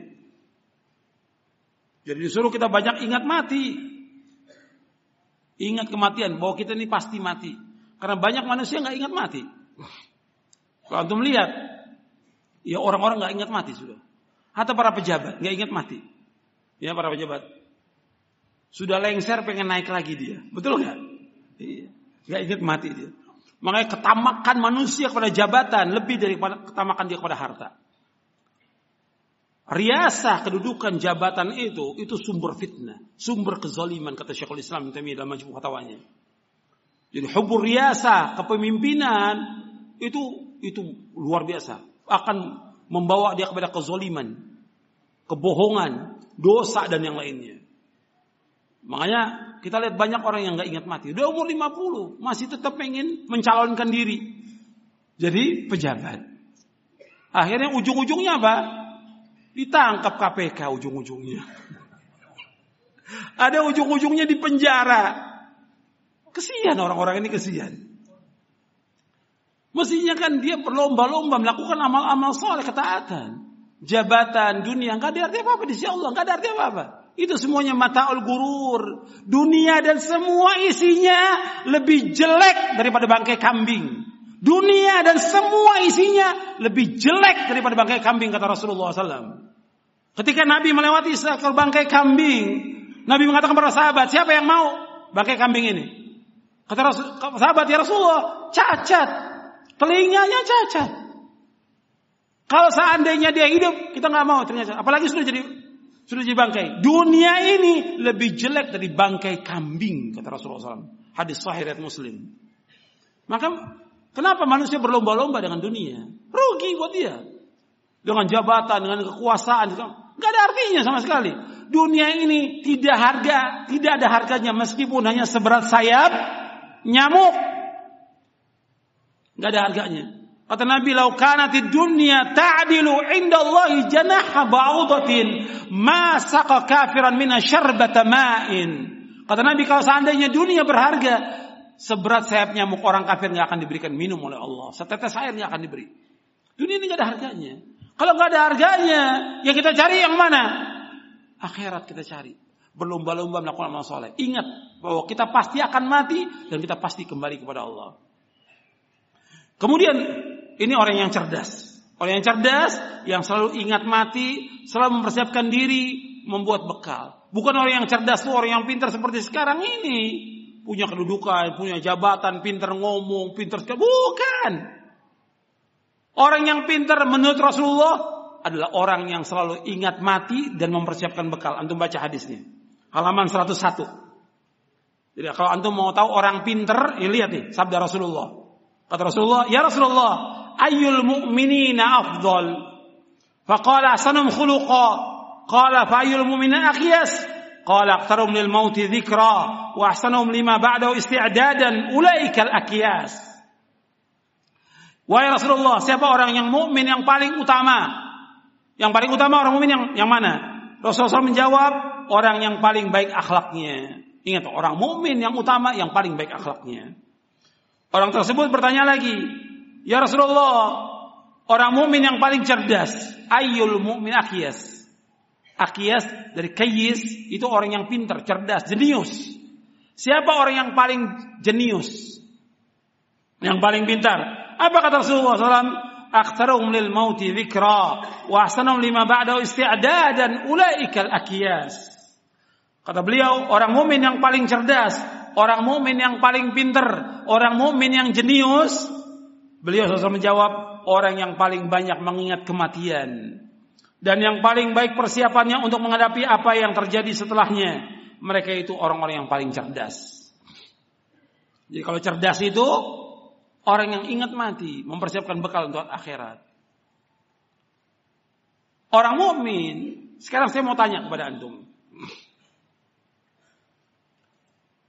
Terutama yang ngantuk ini ya. Yang ngantuk ini.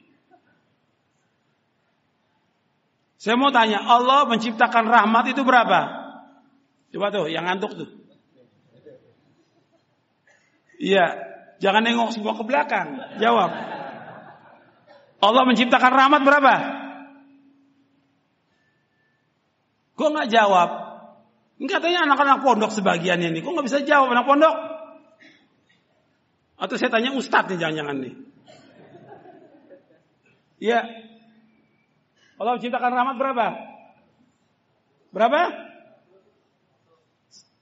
Allah ciptakan rahmat 100. Allah menurunkan rahmat di muka bumi berapa? Satu. Yang 99 di mana? Di sorga. Yang 99 di sorga. Kalau orang yang beriman dan berakal nyari yang satu atau yang 99? Ya, kalau orang yang cerdas, akalnya cerdas, pinter, nyari yang mana? 99, bukan yang satu. Yang dicari itu yang 99, bukan yang satu. Itu yang cerdas. Kita hidup dunia ini, semua Allah berikan, semuanya. Orang kafir, orang mukmin, orang munafik, orang jahat, semua diberikan oleh Allah rezeki semuanya. Cuma satu rahmat. Tapi di sorga khusus untuk orang yang bagaimana? Beriman saja itu 99 rahmat. Yang dipilih yang mana? Yang 99. Paham? Ini Islam tidak mengabaikan akal, diajak kita untuk berpikir. Maka Nabi menyebutkan tentang orang pintar. Saya ambil contoh yang lain lagi. Yang gampang ini. Yang gampang tentang sholat berjamaah. Sholat berjamaah fadilahnya berapa? 27. Kalau kita sholat di rumah dapat pahalanya berapa? Satu. Sekarang ini ada perusahaan mau gaji kita 27 juta satu perusahaan. Kerjaannya sama. Yang satu, satu juta. Kita pilih yang mana? Dua perusahaan. Sama pekerjaannya. Kerjaannya sama. Yang satu gajinya 27 juta, yang satu satu juta. Kita pilih yang mana? 20 tujuh. Kalau pilih yang satu, berarti orang itu gimana akalnya? Waras apa enggak? Enggak waras. Makanya pilih kita pilih apa? Salat berjamaah 27 derajat. Paham? Nah. Sekarang kita lanjutkan. Yang keempat. Yang keempat, kita harus takut kepada Allah Subhanahu wa taala. Sebab di antara yang mendorong kita untuk betul-betul mengisi waktu kita dengan taat kepada Allah, takut kepada Allah. Takut. Bab, kalau kita nuntut ilmu, kata Imam Ahmad bin Hambal, yang dikatakan ilmu itu apa? Ilmu syar'i itu apa kata Imam Ahmad? Al ilmu kata Imam Ahmad khasyatullah. Ilmu itu takut kepada Allah. Semakin kita nuntut ilmu, mestinya kita semakin apa? Takut kepada Allah. Bukan tambah berani, Apalagi berkaitan dengan uang, dengan yang lain. Maksiat, hati-hati dia. Orang yang berilmu, hati-hati. Enggak seperti sekarang, banyak orang-orang yang yang tamak dia kepada harta. Hati-hati itu. Uang itu akan ditanya oleh Allah dari mana diperoleh dan ke mana dihabiskan. Dia harus takut. Kemudian yang kelima muhasabah. Kita harus introspeksi kepada diri kita.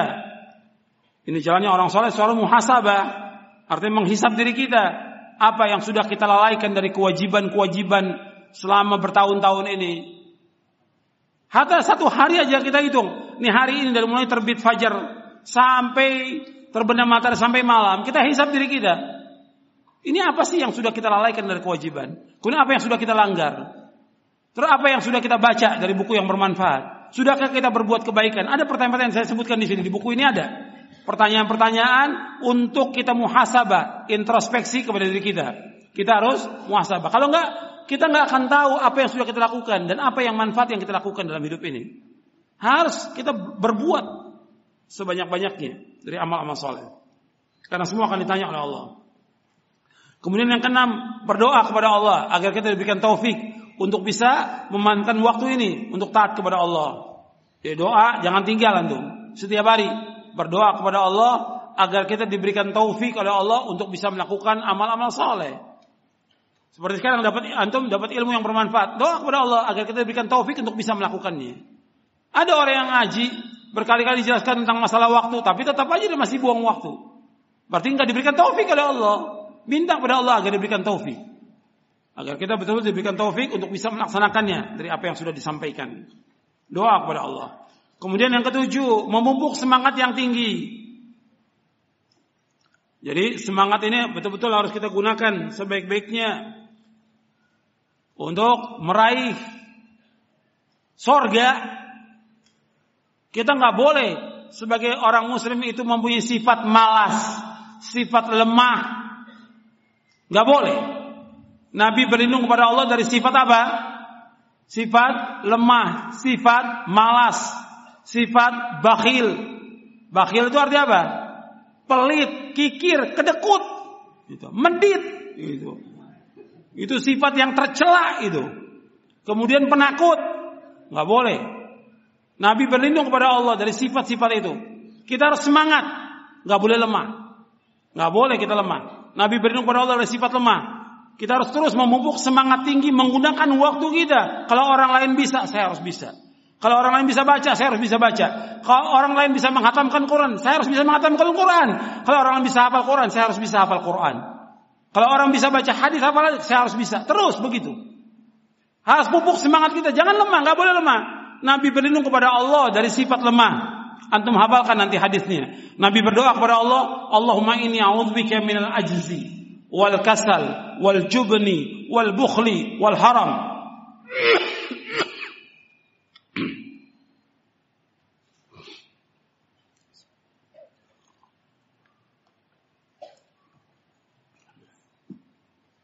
Nabi berlindung kepada Allah dalam satu doa yang sahih. Nabi berdoa, Allahumma inni a'udzubika minal ajzi والكسل والجبن والبخل والهرم وعذاب القبر اللهم آت نفسي تقواها وزكها أنت خير من زكاها أنت وليه ومولاها اللهم إني أعوذ بك من علم لا ينفع ومن قلب لا يخشع ومن نفس لا تشبع ومن دعوة لا يستجاب لها Hadis ini sahih diriwayatkan oleh Imam Muslim dan Nasa'i Allahumma inni a'udzubika minal ajzi wal kasal wal jubni wal bukhli wal harami wa adzabil qabr. Allahumma ati nafsi taqwaha wa zakkiha anta khairu man zakkaha anta waliyyu wa maulaha. Allahumma inni a'udzubika min ilmin la yanfa' wa min qalbin la yakhsha wa min nafsin la tashba' wa min da'watin la yustajabu. Ya Allah, aku berlindung kepada Engkau dari sifat lemah, sifat malas, sifat penakut, sifat bakhil, dan umur pikun dan aku berlindung pada engkau dari azab kubur. Ya Allah berikanlah kepada hatiku ketakwaannya. Bersihkan hatiku ya Allah. Karena nggak ada yang bisa membersihkan kecuali engkau ya Allah. Engkaulah penolongnya, engkaulah pelindungnya. Ya Allah, aku berlindung pada engkau dari ilmu yang tidak bermanfaat. Dari hati yang tidak khusyuk. Dari nafsu yang tidak pernah puas. Dan dari doa yang tidak dikabulkan. Antum hafalkan, ada di buku doa dan wirid di buku doa dan wirid. Antum hafalkan. Oh itu. Kemudian antum perhatikan ya. Di sini saya sebutkan dalilnya tentang kita harus mempunyai semangat yang tinggi. Di surah Al-Anbiya 90 Allah berfirman tentang para nabi, para rasul. Saya mau tanya kepada antum, para nabi rasul dijamin sorga atau tidak? Dijamin semua nabi. Apalagi yang paling tinggi siapa? Rasulullah SAW. Kalau ada orang yang mengatakan, orang mengatakan bahwa nabi nggak dijamin sorga, ini orang munafik. Ini dai atau kiai ini sesat dan menyesatkan manusia. Kalau ada orang mengatakan bahwa Nabi Muhammad SAW nggak dijamin sorga, ini orang munafik. Di dai ini kiai ini sesat dan menyesatkan kaum muslimin. Nabi jelas dijamin sorga. Kalau para sahabat dijamin sorga, apalagi siapa?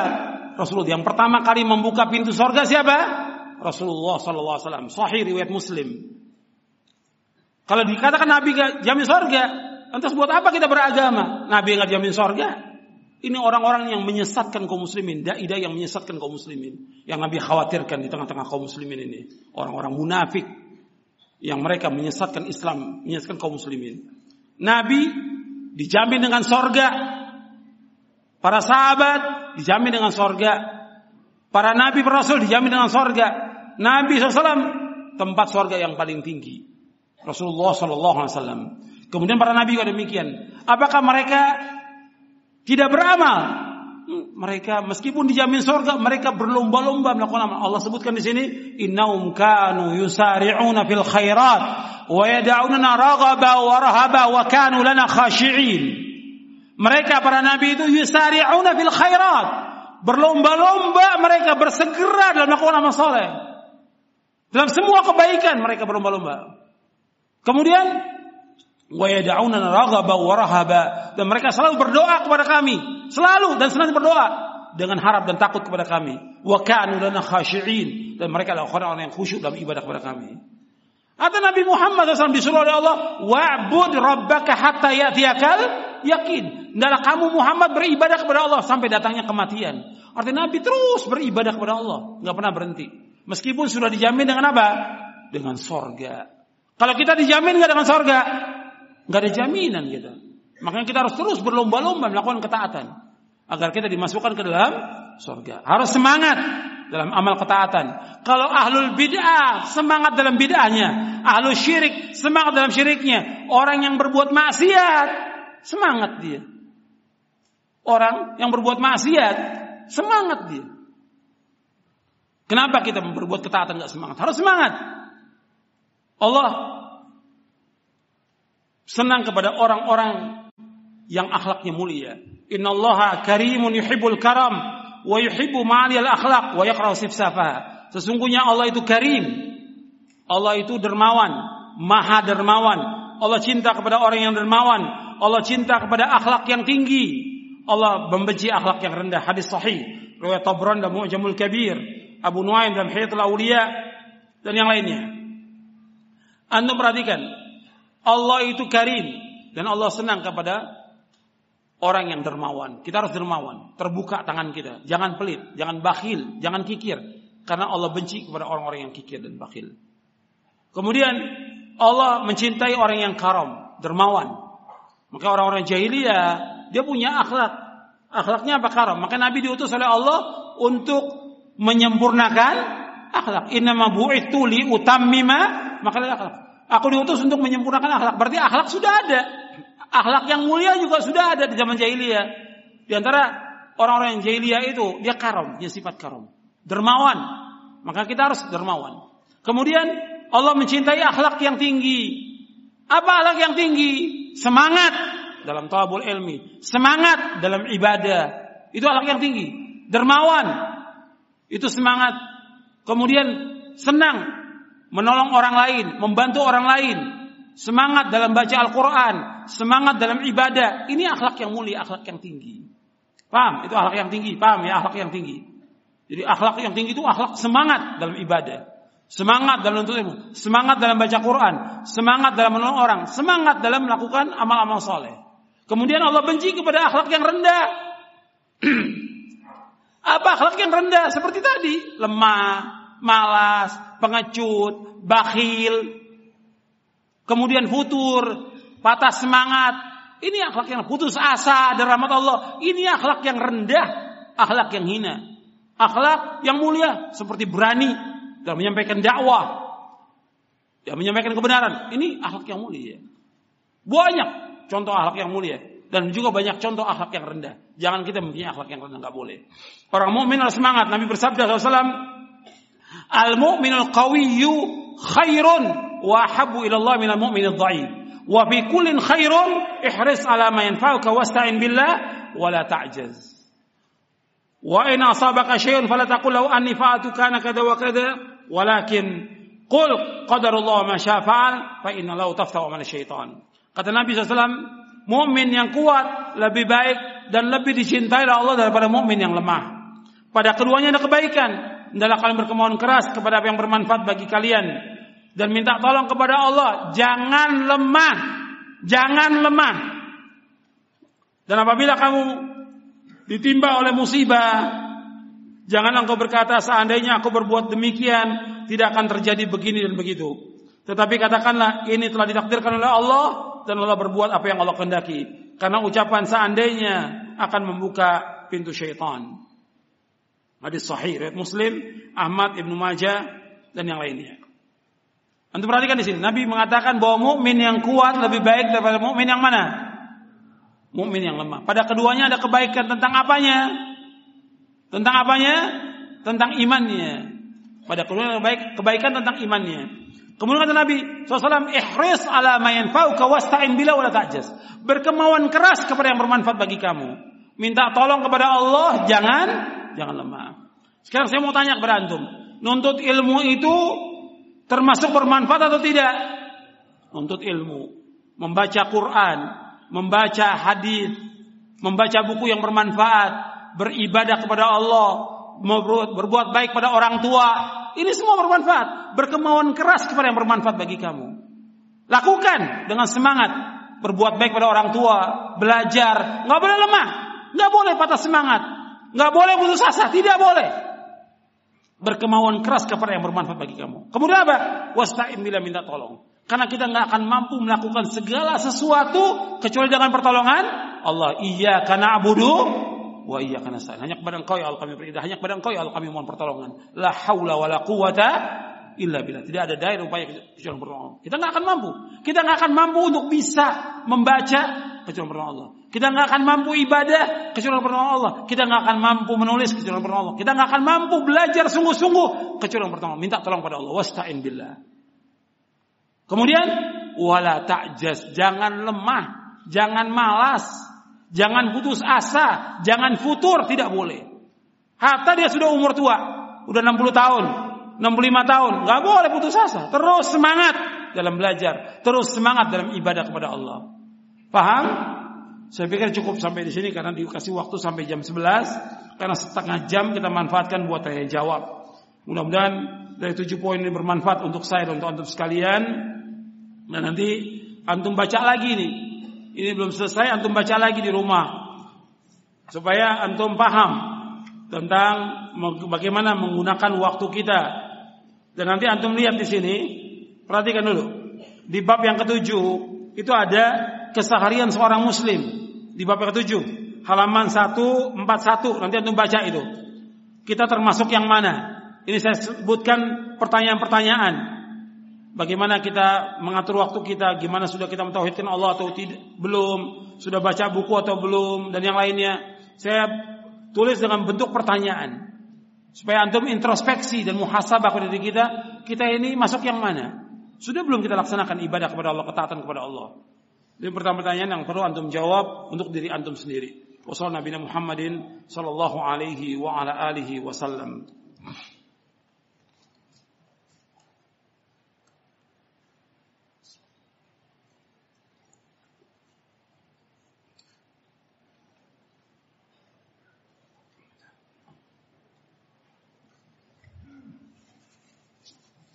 Ini ada pertanyaan yang masuk, yang bisa saya jawab saya jawab, yang tidak bisa wallahu alam bisawab.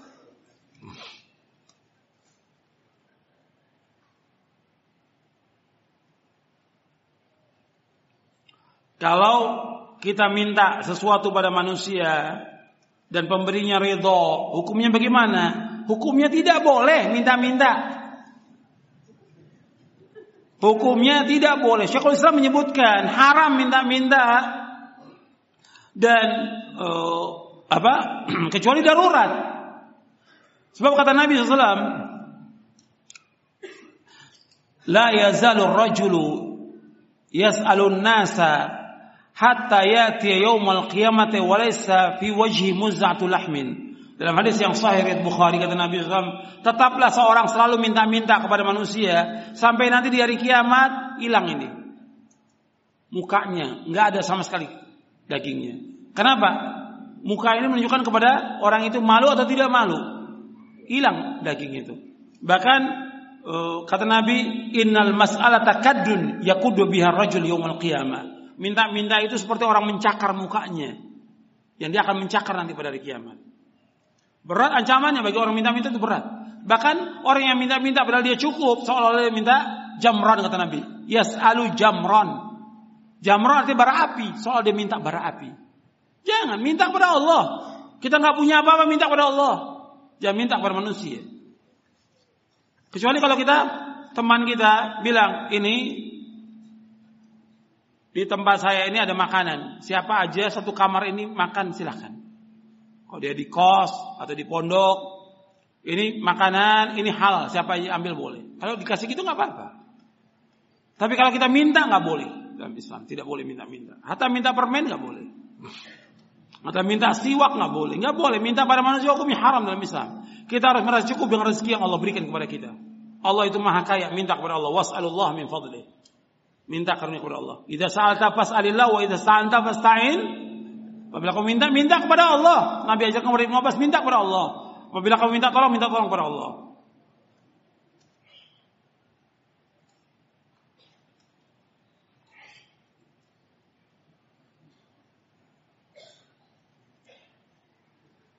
Bagaimana kalau kami sebagai talibul ilm ketika waktu libur apa yang kami gunakan? Apakah kami membantu orang tua atau kita murojaah pelajaran. Dua-duanya kita lakukan. Dua-duanya bisa, semua bisa. Membantu orang tua tetap jalan, murojaah jalan. Gak mungkin juga bantu orang tua dari pagi sampai malam. Mesti ada waktunya. Hanya berapa jam orang tua minta bantuan kita dan kita tawarkan, Pak atau Ibu apa yang bisa saya bantu. Ketika antum pulang liburan di sebagian anak-anak pondok, antum tanya ke orang tua, apa Pak, Bapak, Ibu apa yang bisa saya bantu? Kerjakan. Disuruh selesai, suruh lagi, jangan jangan berat. Orang tua kita dulu ngurus kita nggak pernah berat dia. Semuanya ringan. Lakukan. Kemudian sudah selesai, bisa kita murajaah, bisa kita berzikir, kita bisa menghafal lagi. Ada waktu yang kita bisa juga jelaskan kepada orang tua, Pak, Ibu, kalau pagi habis subuh saya mau murajaah. Nanti setelah itu saya mau bantu. Boleh kita ucapkan kalimat itu kepada orang tua. Supaya kita juga bisa mengatur waktu. Tapi wajib membantu orang tua wajib hukumnya. Berbuat baik pada orang tua wajib. Dan Allah selalu gandengkan dengan ibadah kepada Allah dan berbakti pada orang tua. Wa qad rabbuka alla ta'budu illa iya wa bil walidaini ihsana. Dan Allah telah mewajibkan tidak boleh kalian beribadah hanya kepada Allah saja dan berbuat baik kepada orang tua. Allah juga berfirman, "Wa'budullaha wa la tusyriku bi syai'a wa bil walidaini ihsana." akan beribadah kepada Allah, jangan berbuat syirik dan berbuat baik pada orang tua.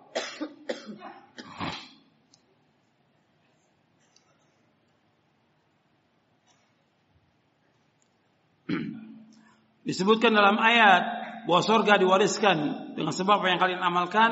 Bagaimana dengan hadis bahwa seorang tidak akan masuk surga dengan amalnya?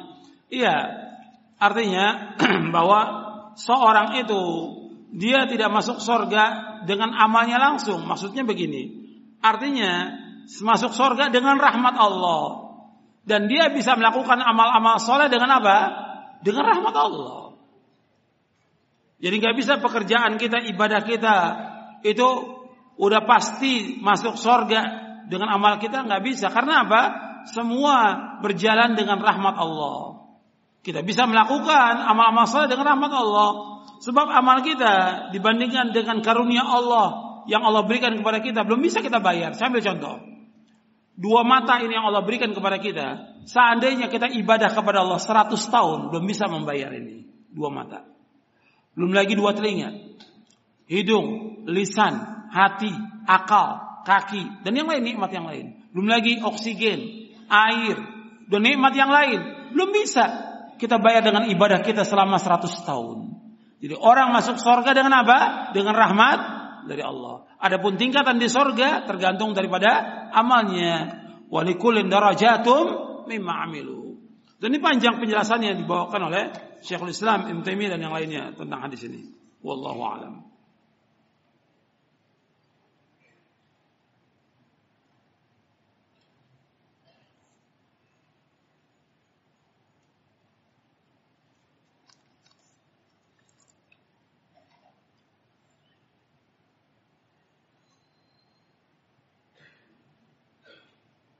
Kita mendapatkan uang dari kerja.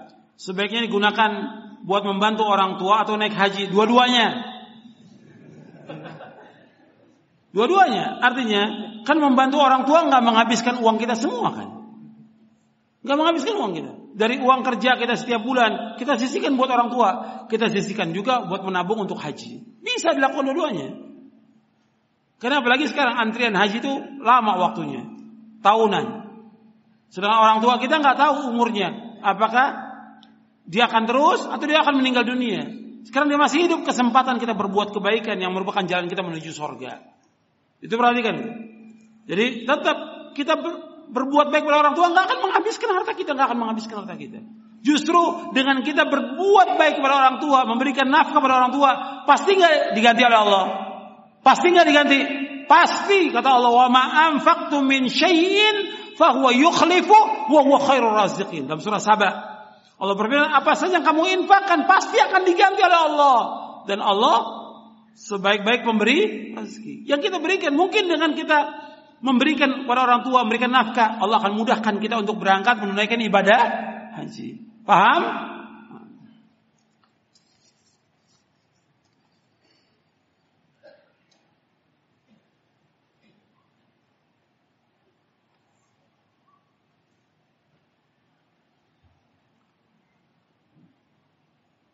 Bagaimana kalau kita melihat orang bahwa itu pemahamannya khawarij?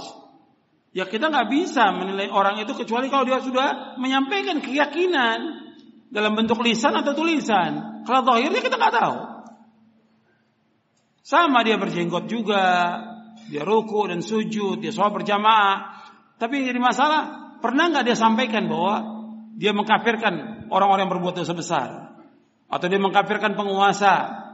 Atau mengatakan orang yang berbuat dosa besar dari kaum muslimin kekal dalam neraka. Baru kita bisa nilai bahwa dia khawarij. Dengan ucapan lisannya atau dengan tulisannya. Tapi kalau zahirnya kita nggak bisa menilai dia.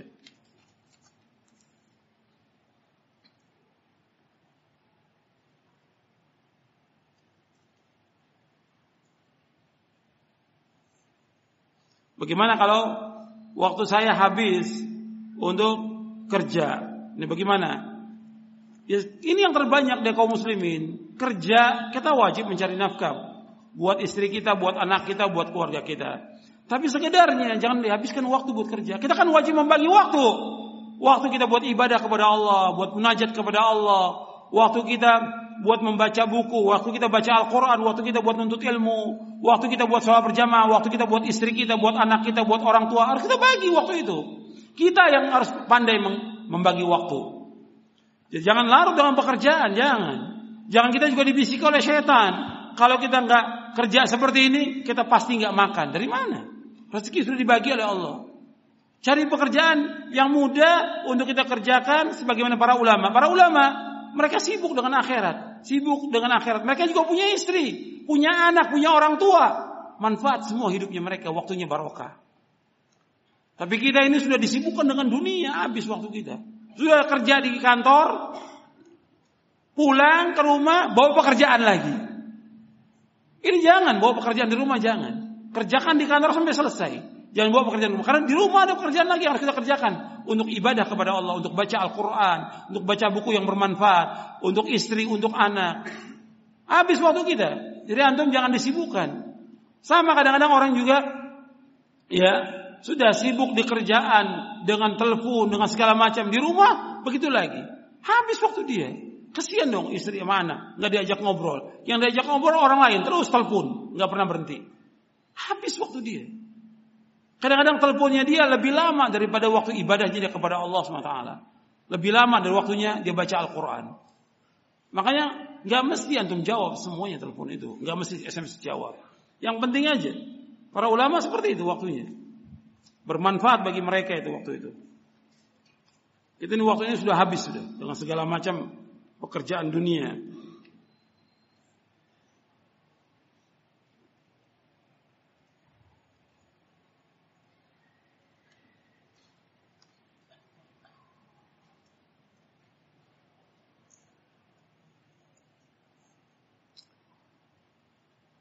Ini tentang uh, nasihat bagaimana menggunakan waktu sudah ada di buku ini, jadi nggak perlu saya ulangi lagi. Tinggal dibaca, ya tinggal dibaca. Kemudian juga uh, bagaimana uh, seorang istri dan suami juga menuntut ilmu. Ya suami memberikan semangat kepada istrinya untuk talabul ilmi, tinggal diatur waktunya. Kan suami banyak banyak banyak kesempatan. Dia baca buku, dia menulis atau dia mengajar atau dia berdakwah tapi juga jangan biarkan istrinya. Ini banyak juga talibul ilm atau para dai atau orang umum juga yang kadang-kadang dibiarkan istrinya nggak ngaji. Kalau dia suami ngaji, istrinya wajib ngaji, wajib menuntut ilmu. Dia harus ngajak istrinya, anaknya juga wajib ngaji. Allah berfirman dalam surah Tahrim ayat 6, "Ya ayyuhalladzina amanu qu anfusakum wa ahlikum nara." Wahai orang beriman jaga diri kamu dan keluarga kamu dari api neraka.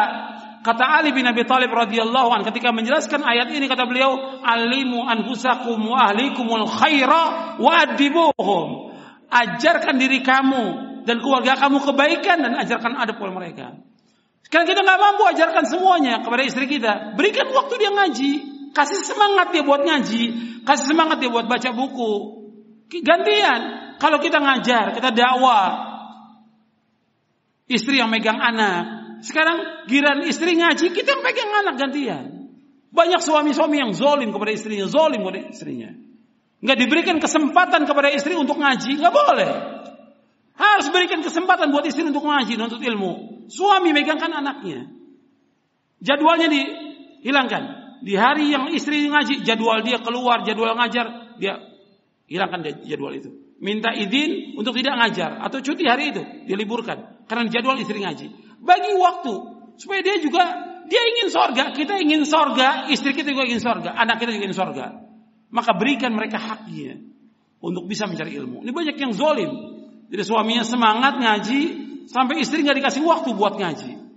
Dia juga ingin masuk sorga. Sedang antum pulang juga ke rumah, nggak pernah ngasih penjelasan dari hasil pengajian, nggak pernah. Gak pernah jelaskan kepada mereka kebaikan. Enggak. Paling sampai rumah minta makan, minta minum, minta kopi, minta yang lain. Gak jelaskan tentang bagaimana mencari akhirat. Akhirat kan dicari. Jelaskan kepada dia tentang akhirat itu.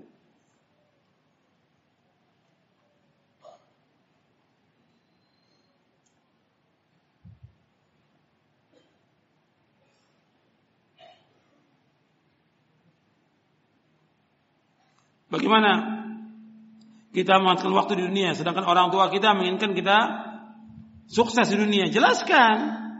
Dengan buku ini untuk menjelaskan sukses yang hakiki yang abadi. Sukses itu nanti di akhirat bukan dunia. Dunia ini lebih jelek dari bangkai kambing gitu. Ya. Saya ada baru nulis buku, tapi ini belum beredar bukunya baru. Dunia lebih jelek dari bangkai kambing. Dunia lebih jelek daripada kambing. Biar kasih tahu itu supaya jangan ngejar dunia. Dunia jelek dari pakai kambing. Yang kita cari apa? Akhirat bukan dunia. Dunia nggak ada harga apa-apa. Jadi orang-orang tua ini belum paham. Karena kehidupannya materi orang tua itu kehidupannya apa? Materi. Kehidupannya supaya anaknya nanti dia nggak susah. Padahal dengan kita ibadah kepada Allah, anda menuntut ilmu di pondok nggak bakal susah. Kenapa? Orang yang paling bahagia di muka bumi, orang yang menuntut ilmu syari, Al-Quran wa Sunnah, paling bahagia di muka bumi. Dijelaskan oleh Imam Nuqayyim dalam kitabnya Miftah dari Sa'ada. Orang yang paling bahagia di muka bumi, orang yang menuntut ilmu syari, paling bahagia dia. Kalau akhirat, pasti di, oh, kalau dunia pasti dikasih. Yang belum pasti kita akhirat. Dunia rezeki dibagi oleh Allah semuanya. Yang kita cari akhirat. Anda lihat para nabi, para sahabat, apa mereka nggak makan? Makan mereka. Mereka punya istri, mereka punya anak, para sahabat juga demikian. Tapi mereka hidup waktunya habis untuk ibadah kepada Allah. Rezeki pasti dikasih Allah, pasti. Antum lihat di mukadimah buku ini, saya bawakan satu hadis. Dua hadis bahkan saya bawakan di mukadimah buku waktu ini. Kata Nabi apa? Allah berfirman, Ya bena Adam, tafarraq li ibadati amlak sadraka ginan wa asudah faqar. Wa illam taf'al mala'tu yadayka syugra wa lam asudah faqra. Wahai anak Adam, habiskan waktumu semuanya kata Allah untuk ibadah kepadaku kata Allah. Wahai anak Adam kata Allah, habiskan waktumu untuk ibadah kepadaku. Aku akan penuhi dadamu dengan kecukupan. Dan aku akan tutupi kamu dari kefakiran. Kalau engkau nggak lakukan kamu sibuk dengan dunia, maka akan isi dadamu dengan apa? Dengan kesibukan. Dengan banyak urusan. Walam asudda faqr. Aku nggak akan tutup kefakiranmu. Tetap fakir dia.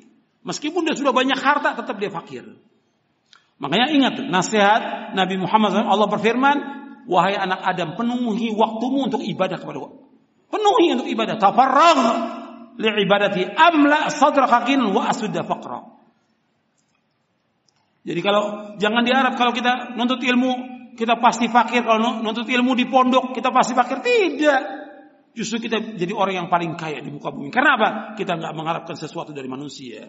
Antum belajar di pondok, antum belajar untuk ilmu syar'i, antum jadi orang yang paling kaya. Kenapa? Kita nggak mengharapkan sesuatu dari manusia, kita mengharapkan kepada Allah. Dan Allah pasti akan memberikan rezeki kepada kita dengan lebih baik daripada apa yang diharapkan dari manusia.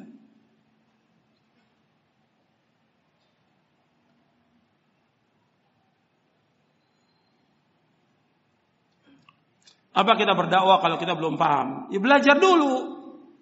Tapi paham seluruhnya nggak mungkin. Kita dengan ada ilmu, antum belajar di pondok sampai lulus, antum ada baca kitab-kitab, antum juga masih belajar dengan para ustadz. Antum dakwah dengan apa yang antum mampu di desa-desa banyak yang butuh dakwah kita. Daripada orang-orang yang nggak punya berilmu, kita ada ilmu sedikit sampaikan. Mulai dari kitab usul salasa atau yang lainnya.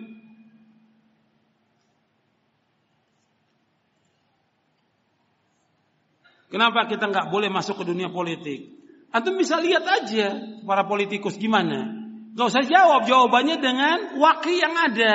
Gimana mereka? Antum lihat sendiri. Apa mereka memperjuangkan Islam atau tidak? Tidak. Mereka sibuk dengan apa? Dengan dunianya. Yang tadinya cita-citanya menegakkan agama, mereka tegakkan agama tidak? Mereka nggak tegakkan agama. Yang mereka tegakkan apa? Bagaimana mencari harta sebanyak-banyaknya, dunia sebanyak-banyaknya. Jadi antum perhatikan panjang nih jawabannya, tapi bukan sekarang tempatnya.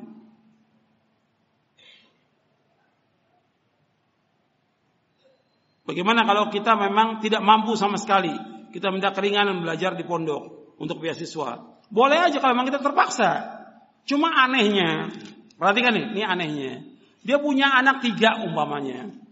Yang dua kuliah, yang kuliah ini bisa bayar tuh. Yang kuliah sempurna bayar. Yang satu di pondok nggak mau bayar. Ini akal yang mana yang bisa terima? Yang kuliah sampai berani dia jual mobilnya untuk kuliah. Tapi dia yang pondok dia nggak berjuangkan. Padahal ini mencari akhirat yang bermanfaat buat dia. Jadi nggak benar orang tuanya minta keringanan. Kecuali kalau memang nggak mampu sama sekali dia boleh minta keringanan. Tapi banyak yang nggak wajar kalau buat anaknya yang lain dia perjuangkan, dia di pondok minta balas. Minta majanan, minta gratis kalau dia di pondok. Coba anaknya makan atau tidak? Kan makan tiap hari. Masa pondok yang ngasih makan? Pondok udah ngasih pelajaran yang bagus kepada anak-anaknya, mesti orang tuanya yang punya sadar diri. Anaknya makan dari mana? Ya kita mesti bayar dong. Nyalakan lampu, ya mesti bayar. Masa nggak bayar listriknya pondok? Dan yang lain. Karena banyak orang tuanya juga banyak yang tidak berpikir. Ya. Saya pikir cukup. Di sini sudah dikatakan waktu sholat sudah sebentar lagi yang kita harus persiapan untuk sholat. Saya akan jawab satu lagi ini. Bagaimana kalau orang tua belum menyetujui tentang sikap kita? Maksudnya tentang keyakinan kita. Kita umpamanya berjenggot, tidak isbal, ada yang wanita juga bercadar dan yang lainnya. Orang tua dia belum bisa terima. Kita jelaskan kepada orang tua bahwa ini yang syar'i, bahwa ini yang benar. Bawakan keterangan dalilnya kepada orang tua bahwa ini ini yang benar, ini dalilnya. ini keterangannya, ini hadisnya, ini ayatnya. Jelaskan baik-baik dan doakan agar orang tua mendapatkan hidayah. Memang kadang-kadang kita tantangan yang berat itu dari keluarga dalam dakwah ini dan juga dalam mengamalkan sunnah. Tapi insya Allah Allah pasti akan tolong.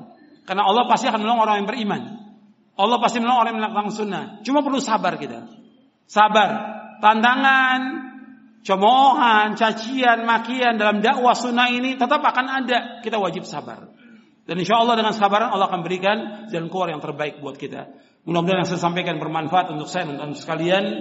Dan kurang lebihnya saya mohon maaf. Mudah-mudahan kita diberikan taufik pada Allah untuk bisa mengamalkan dari apa yang sudah kita kaji dan Allah mengampuni dosa-dosa kita atas kelalaian kita dan Allah menetapkan kita di atas Islam dan Sunnah memberikan istiqamah di atas jalan yang hak sampai kita diwafatkan oleh Allah Taala Kurang lebihnya saya mohon maaf. Wassalamualaikum Nabi Muhammad SAW. Subhanakallah wa bihamdik. Ashadu an la ilaha illa anta astaghfiruka wa atubu ilaik. Assalamualaikum warahmatullahi wabarakatuh.